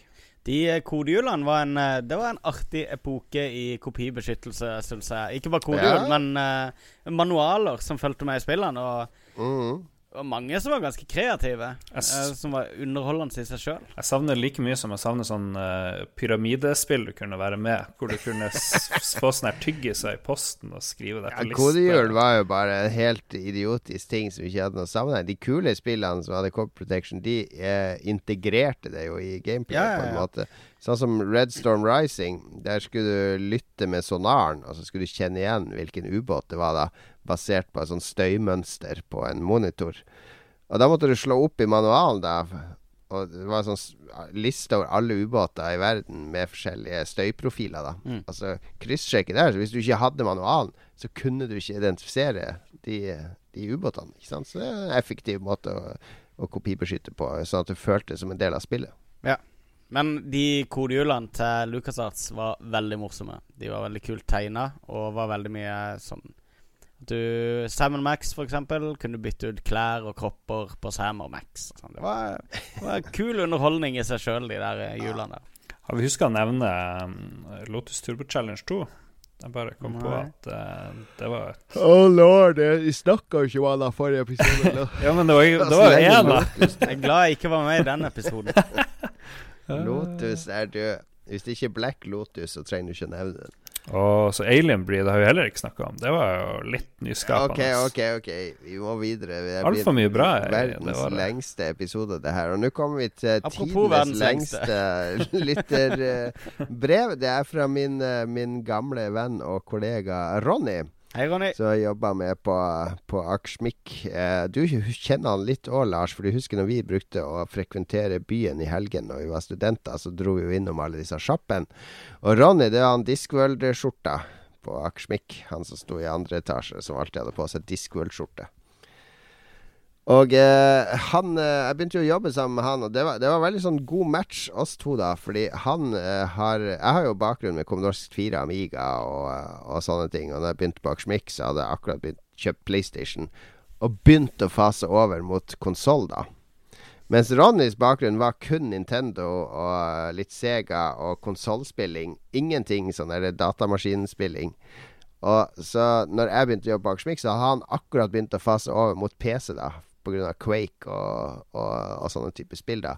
Så vi var et sånn krysningspunkt begge to, da, der vi møttes. Der jeg kunne eh, belære han med min bakgrunn, og han med sin bakgrunn. Lærte meg masse om Nintendo og Nintendo-historie og sånn. Så det er god venn fra, fra den tida. Men ja, han er tydeligvis en fast lytter òg, for han har sendt kjempelang mail her, da.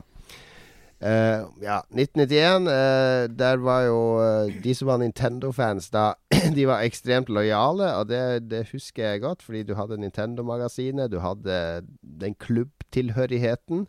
Det var litt som PlayStation-folket var ti år senere, der du liksom nesten var en slags klan. Eh. Megadrive gjorde de narr av, selv om det var 16-bit lenge før Super Nintendo kom ut. Det var bare å vente. Amiga og PC var helt uaktuelt. De hadde så sterk Nintendo-lojalitet, han og vennene, at de gleda seg ukritisk til Gameboy med kalender i klasserommet som telte ned til den kom. Og de storkoste seg selv om skjermen var elendig, og de lo av Lynx, som jo er Lars sin Fy, fy. Og eh, hva heter han? Country Steinar fyr. Albrigtsen. Eh, SNES-titler så han første gang i 1991 på, 1991 på en event Unsaco, som da var distributøren til Nintendo i Norge, hadde på en legebutikk i Drammen.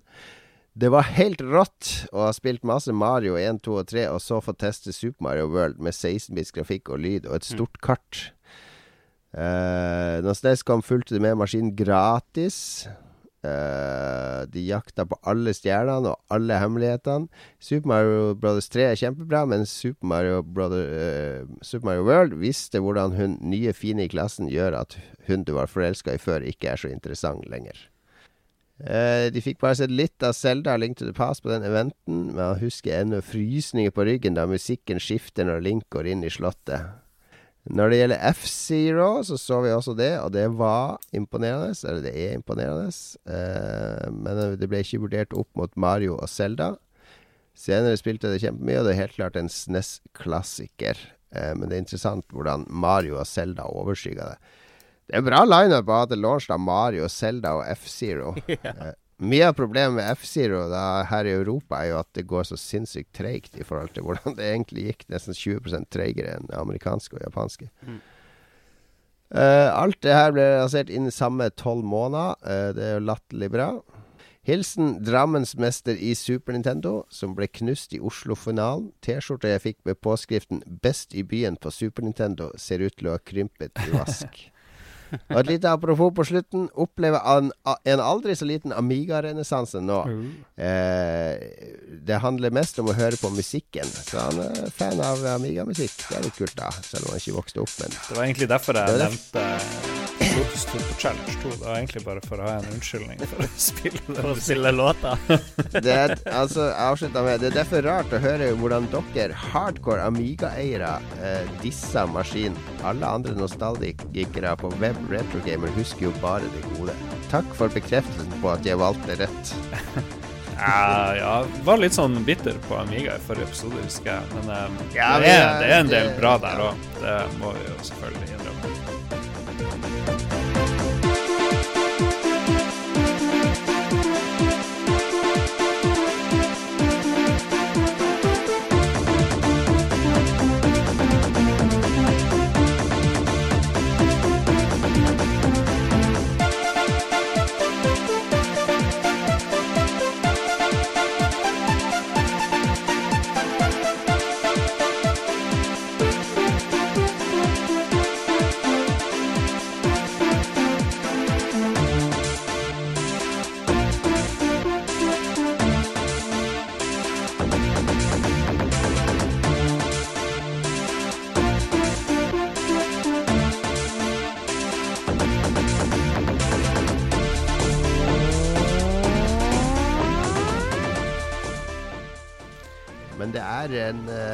Ikke, det kommer ikke på topp fem, liksom, av eh, alle spillmaskiner jeg hadde opp gjennom tidene. Ja, for meg så gjør det Når jeg så 91 nå, så var jeg back in love, altså. Det er mye, mye bra her, altså.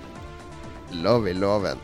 Um, jeg må takke en som heter Paul, som også har sendt inn et langt, langt innlegg. Jeg lovte å nevne han. Han uh, skrøt Han har sendt oss opptil flere meldinger, så vi kan liksom ikke uh, gå gjennom det. Men tusen takk. Han har skrytt av både meg og Jon og, og eh, Magnus. Så ja, Ja, Mest, riktig. veldig mest, hyggelig. ja, nei, mest dere, da. Mest, Det ja. fortjener dere. Det var veldig hyggelig. Tusen takk for eh, veldig hyggelig feedback på det. Ja. Oh, it's real. It's absolutely real. Everything moves in cycles. So twice a century, the ocean lets us know just how small we really are. A winter storm comes out of Antarctica, tearing up the Pacific. And it sends a huge swell north 2,000 miles. And when it hits Bell's Beach, it'll turn into the biggest surf this planet has ever seen, and I will be there. So will I. If you want the ultimate, you gotta be willing to pay the ultimate price. It's not tragic to die doing what you love. Break, break. Breaker 19. This is rubber duck. 19, 1991 er over, og vi røper vel ikke for mye hvis vi sier at neste episode handler om 1992. Eh, det var ingen som nevnte Street Fighter 2 her. Det er spesielt å ikke nevne. Ja, Det kom vel bare på Arkade, da. Det var fordi Street Fighter Street Fighter 2 er vel Altså Hvis du leser spillblader fra den tida, altså det, det er ingenting som er så stort i 1992 som Street Fighter 2, så det får vi snakke om eh, neste gang, kanskje. Eh, men det det er vanskelig for oss å skjønne i dag hvor stort og fantastisk og innovativt Street Fighter en gang var. Og så, vi tar det neste gang. Marius ikke, Magnus ikke nevnte um, Police Quest 3, som vel var ditt favorittspill uh, gjennom tiden. Nei, Police Quest 3 Det var Jeg har vel spilt gjennom det, men um, det, det var ikke så veldig bra. Det var da Det var det siste Police Quest-spillet som var kult, uh, før det ble helt på trynet. Hm. Men uh, det var veldig rigid, veldig vanskelig, og uh, Ja. Det var så mange andre fete spill å spille. Det kommer jo en nytt nå snart, gjør det ikke? Hæ? Det har ikke jeg fått med meg. SWAT. Er ikke SWAT-serien Police Quest Jo, den kommer fra Police Quest, ja. Ja, ja, ja. Det, det er jo nytt Ubisoft SWAT-spill på vei. Jøsses. Men det er jo Nei, men det er, det er eh, Tom Clancy. Er det det? Nei, det er, det er Rainbow Six-spillet. Var det det? Ja? Rainbow Six. Men Ja. kom ikke de av SWAT-spillene igjen? Nei, jeg blander. Tull og tøys.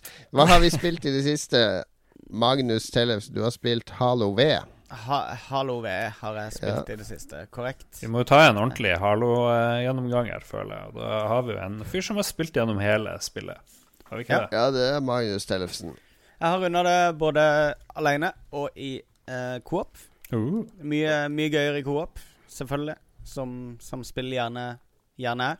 Men problemet mitt med mange Coop-spill er at jeg har ikke lyst til å spille gjennom de i Coop første gang. Nei, for det, og det merker jeg jo. Eh, de, de to andre Vi var tre stykker som spilte sammen. Mm. Meg og Havar-brødrene. Og eh, Mm. uh, de hadde jo ikke sett storyen før. Og eh, det var vanskelig å la være med å bable og snakke om et eller annet som skjedde i forrige runde.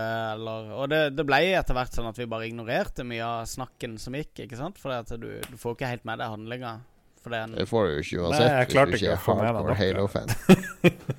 Nei, nei, ikke sant. Det er vanskelig nok er Ja, de har jo gjort det helt. Altså, det er lettere å følge handlinga i Metal Gear Solid 5 enn det er i Halo 5. Jeg er helt enig. Det er, jeg jeg syns historiefortellinga i det spillet der synes jeg er helt grusom. Og de, de går så raskt gjennom sånne store, store episke ting. De tar liksom for gitt at alle kan Ja. alt, uh, føler jeg. Ja, altså, og jeg, jeg- jeg bare, jeg- jeg måtte jeg jo- bare tok, jeg har jo bare runda treeren. Ja. Så jeg måtte se meg opp. Eh, Jeg så en sånn her 15 minutters gjennomgang. Så eh, av hele Halo-storyen. Jeg måtte pause og spole tilbake. Jeg brukte sikkert tre kvarter på å se den 15 minutters gjennomgangen. For å bare sånn OK, OK, nå, nå har jeg etablert liksom noen sannheter, og så kommer det inn en haug med nye ting. Det, var, er veldig komplisert story, og det er sikkert gøy for de som ser på, men, men Halo-spillerne har bare blitt som sånne her, eh, episoder, da. Eh, som ender med cliffhangere og alt. Og så går det liksom 17 år til neste gang du får fortsette storyen. Og da må du i gang og se sånne her oppsummeringer igjen, for det er jo ingen som husker hva som skjedde sist. Så eh, Litt sånn klønete lagt opp. Og jeg føler liksom Men selve spillet, da altså, du er, du, du er ikke Historien i Halo har alltid vært uh, spilleren mot uh, omgivelsene. Og åssen er kampene og strukturen og miljøene du utforsker? Det er litt kjappere kamper nå. De har uh, introdusert en del sånn melee-angrep som, som gjør at du kan rushe inn i fiender og smashe de utfor kanter eller inn i vegger osv. Du kan Mm. klatre hvis du hopper nær uh, kanter. Så, så tar han seg for og klatrer. Så det, det, det føles veldig annerledes ut enn en de der eh, De standard eh, Halo-kampene, egentlig. Um, Jeg, jeg føler at det er tatt sånn steg nærmere Call of Duty-kampene. ja, det er kanskje litt, litt kjappere kamper, men det er fremdeles et veldig sånn strategisk element på det. Og AI-en er veldig bra. Um, de, du blir liksom Du blir flanka hvis du henger for lenge på ett område osv. Altså, man- Ja. typisk sånn jeg husker fra Halo-serien. Som Ja, fordi jeg husker Halo hele tida. ja, Halo 1 er jo det jeg har spilt mest av alle Halo-spill. Jeg har sikkert spilt gjennom fire eller fem ganger på øverste vanskelighetsgrad og alt. Yes. Og det er Fordi der hver kamp kunne jeg leke med på forskjellige måter. da Jeg kunne godt spille den samme kampen på nytt og på nytt og prøve Ja. med ulike våpen, ulike taktikker, ta et kjøretøy, gjøre ditt og datt. Det var en sånn lekeplass. Det er Combat ja, Evolved kommer fra. ikke sant At combaten var var ikke bare sånn skytegalleri der folk dukker opp på samme sted, og sånn som Half-Life 2, f.eks. Nei, så var det på veldig store flater hele tiden. ja, Ja, det, det, det savner jeg litt i, i fireren. Det er mye mer korridorer og trange områder og Ja. set pieces, på en måte. Jeg, jeg er komfortabel med det når, når jeg bare skal spille singleplayer eller co-op sånn gjennom storyen. Så syns jeg det er Mm. kult. Ja, uh, Fair nok. Men jeg, jeg har ikke spilt så mye på uh, multiplayeren ennå at jeg kan si noe om det. Um, Nei, den har ikke jeg heller prøvd. jeg er veldig nysgjerrig Men det jeg på snakka om, var jo singleplayer. Altså, jeg lekte meg i singleplayer. Ja, ja riktig. Men, Ja. men det var jo ikke noe multiplayer i, um, i uh, Halo 1. Jo, bare, ja, lokal. Uh, linka. Vi, Ja, hadde jo fire Vi kobla jo fire Xboxer sammen med linkkabler og fire TV-er og spilte Men det var ikke noe versus? åtte mann. var det? Jo, jo, åtte mann. Blood Gulch og alt sammen. Ja, Jeg trodde det kom i toerne. Det var dødsbra. Jeg husker jeg hadde et metal-band på Jeg jobba jo med sånn Radar Booking, som har Inferno-festival. Det var Ja. en sånn kar fra metal-band innom og snakka Halo med meg, fordi bandet hans De hadde Halo-sessions hele tida med fire TV-er. Ja, riktig. Har du spilt det der, Lars? Eh, femma? Eh, ja. men jeg vet ikke om Magnus er ferdig med sin analyse. Så. Nei, nei, nei. Ja, egentlig så, så føler jeg at eh, Halo handler mer og mer om multiplayer. Og så vidt jeg har forstått, så har de lagt ekstremt mye krefter inn i å lage den multiplayeren i Halo 5 eh, som en slags sånn miks av Moba og FPS. Den er visst veldig, veldig, veldig gjennomført. Så um, Siden jeg ikke har testa den, så er det litt som å, å, liksom, å uttale seg om Battlefield fordi du har spilt gjennom singleplayeren. Ja. Men er det ikke sånn mikrotransaksjoner i multiplayer nå? Er det Jo. De har tatt litt, eh, litt fra den der Titanfall-modellen også, med at du liksom uh, Du har sånn kort som du kan Ja. spille hver runde, som gir deg forskjellige boostere. Og spesielle Ja. våpen. Jeg har issues med måten man beveger seg på i det spillet. Jeg klarer ikke å bli helt komfortabel med det. I hvert fall ikke sånn en ennå. måne... Det er uh, Problemet for meg og deg, Lars, med Halo 5, det at vi har spilt så mye Destiny. Så hver gang jeg spiller et annet skytespill, så savner jeg ting som Destiny gjør bedre. Ja. Eller som jeg er mer vant til. Via Jeg har jo ikke spilt Destiny. Men Ikke så mye som vi har gjort. Jeg var ekskludert. Sånn, Meg og Dallas, vi har spilt Destiny. Jeg har sikkert spiller jo 50 timer i det, Jon. Jeg, har spilt Destiny. Vi Destiny. spiller jo fortsatt Destiny 50 Ja, ja, timer. ja. Hvis du ikke har 50 dager, så har du ikke spilt Destiny. Nei, men jeg har 50 timer i det. Jeg vil si jeg har spilt det. Ja, så vidt. 50 timer, vidt det er jo ingenting. Det er jo to døgn. Vi har jo spilt det i gjennomsnitt én time hver dag i et år. Ja, dere har spilt det for mye. Ja, ja, men da blir det en del av Jeg- Når du får det perspektivet i et spill, så forventer du at andre spill skal oppføre seg på samme vis, ikke sant? Ja, jeg forstår det. Nei, men det ser jo veldig bra ut. da Jeg syns det ser sinnssykt bra ut. Så det ser jo bedre ut enn Destiny, hvis, vi skal fremdeles sammenligne det da på, på mange måter. Og så har du Veldig kult med farvene der, ja. Ja, og så har du en sånn fake online, da, hvis du savner å spille online gjennom historien, sånn som du kan gjøre i Destiny, så har du sånne her eh, teammates som driver og springer og jaller. Jeg vet ikke hvor mange du kan springe med multiplayer. Det er sånn Det er tre- fire. Det er derfor det de er har fire. eh, bare implementert eh, fire stykker i teamet ditt Mm. gjennom hele storyen, sånn at ikke det blir s- Sånn Ja. at når en spiller co-op gjennom storyen, at ikke det ser så teit Men du kunne jo nesten like gjerne spilt alene hvis du ikke er online. For de, de føles ikke ut som de er noe sånn spesielt til hjelp, de her. De healer deg, de er, og Ja. de har liksom ingen sperrer, for de trosser alle farer Ja, det har for å redde livet ditt. Ja. Så det er ganske greit. Jo, jeg spilte litt før vi tok sending, og det kom en kar springende og blogga meg med et sverd, og da kom det hyggelige teammates. Så det, det har du rett i, men det er litt sånn weird. Litt sånn hybrid. Ja, det er- føles litt snålt å ha de her karene hengende etter seg hele Ja, tida. de, har ikke, de har liksom ikke jobba de hardt nok inn i storyen. Eller sånn at de, de føles som en del av spillet. da. Det er Nei. Nei, men Jeg gleder meg til å spille mer, men det går litt sakte. Det gjør det. Jeg sier sånn Slowmac Destiny er Bestiny. Så sånn er det. Godt sagt, godt sagt. Jeg har spilt, uh, endelig fått spilt Dragon Quest Heroes, som jeg snakka om at jeg skulle spille. Ja. Uh, som jo er sånn der uh, Hva heter det? Mushi Mushi? Mushi Mashi? Hva? Sånn Dynasty Warriors-type spill, der du Der du er sånn helt, og så eh, slåss du mot sånn hundrevis av fiender. Altså Du kan slå sånne slag som du legger 20 fiender i bakken Ja, sånn musospill. Muso, Muso, ja. Eh, bare satt til Dragon Quest-universet. da Jeg er jo veldig eh, ganske glad i Dragon Quest-spillene. Jeg har jo spilt uh, ja, femmeren og syveren og åtteren. Eh, og syns de er utrolig De er litt, ganske annerledes enn Final Fantasy. De har litt mer sånn anime-manga-stil på ting. Og litt mer humor og litt mer sånn sammenheng mellom spillene. Mer, mer sånn koherens. De er ikke så pretensiøse som Fine Final Fantasy. Eh, så, så jeg har alltid vært glad i Dragon Quest. Og det her er sånn match made in heaven. Det er liksom action eh, Actionspill med Dragon Quest-heltene som fungerer helt utmerket. Det er masse helter fra tidligere spill som du kan styre, og det er supersmooth, fin grafikk. Cartoonish og Bra voice acting, bra oversatt. Det er også noe med Dragon Quest-spillene at de, de har jo brukt de der uh, Little Britain-folkene, husker jeg, har jo vært dubbere for de flere ganger. Mm. Det sånn skikkelig sånn overdrevne engelsk eh, Yorkshire-aksent og sånne ting. Så, sånn på grensen til parodi, men det er en del av sjarmen, føler jeg. Tar seg ikke sjøl så seriøst. Men det er bra som sånn der eh, muso-spill.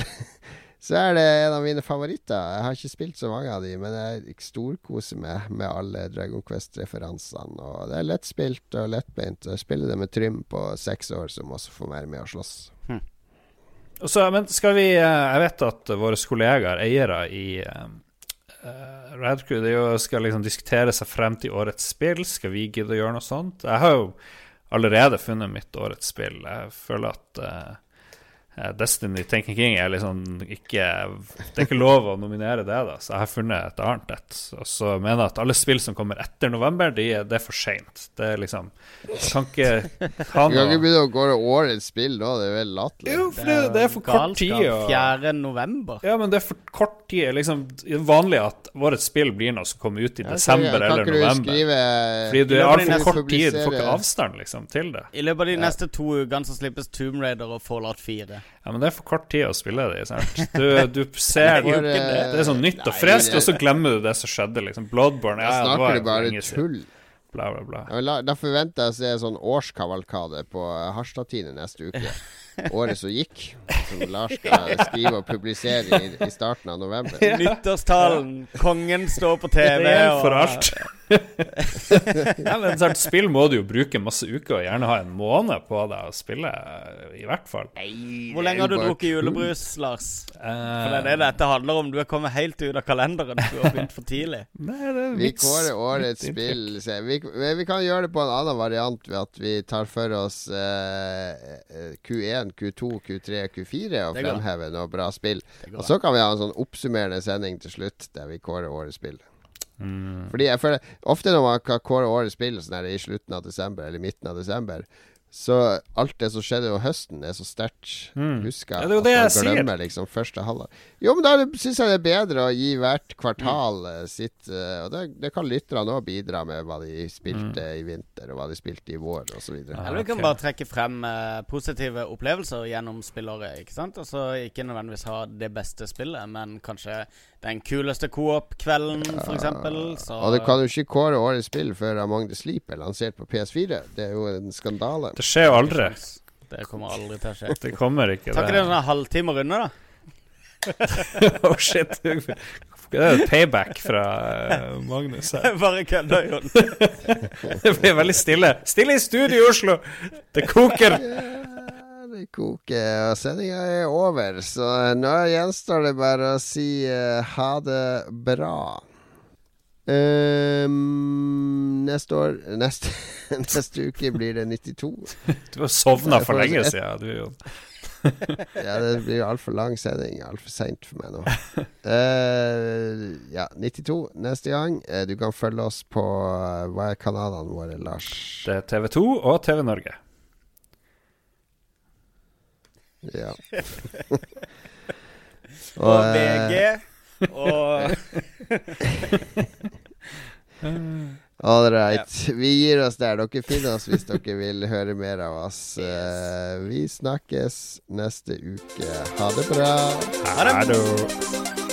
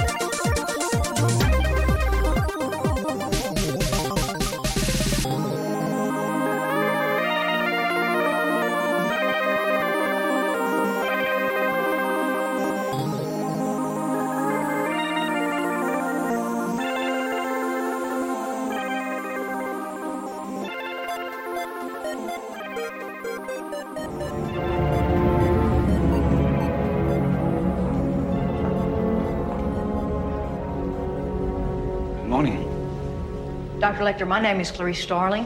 May I speak with you?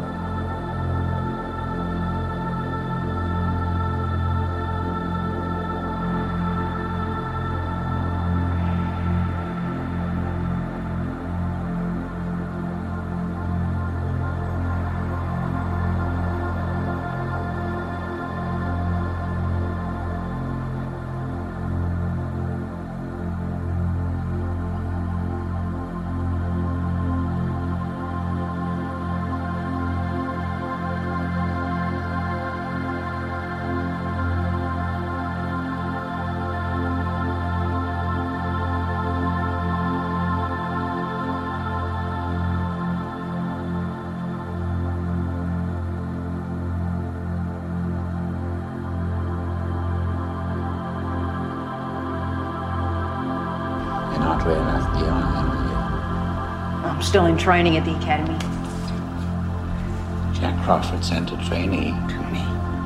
Yes, I'm a student. I'm here to learn from you. Maybe you can decide for yourself whether or not I'm qualified enough to do that. That is rather slippery of you, Agent Starling. Sit, please.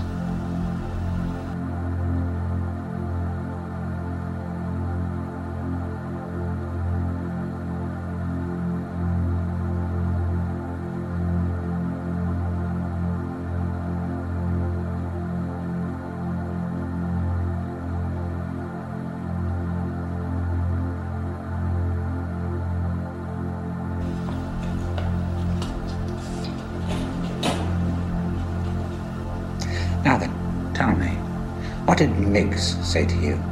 Multiple Miggs in the next cell. He hissed at you. What did he say?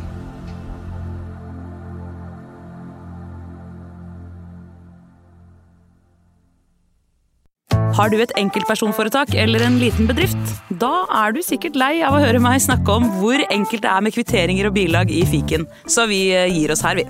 Fordi vi liker enkelt. Fiken superenkelt regnskap.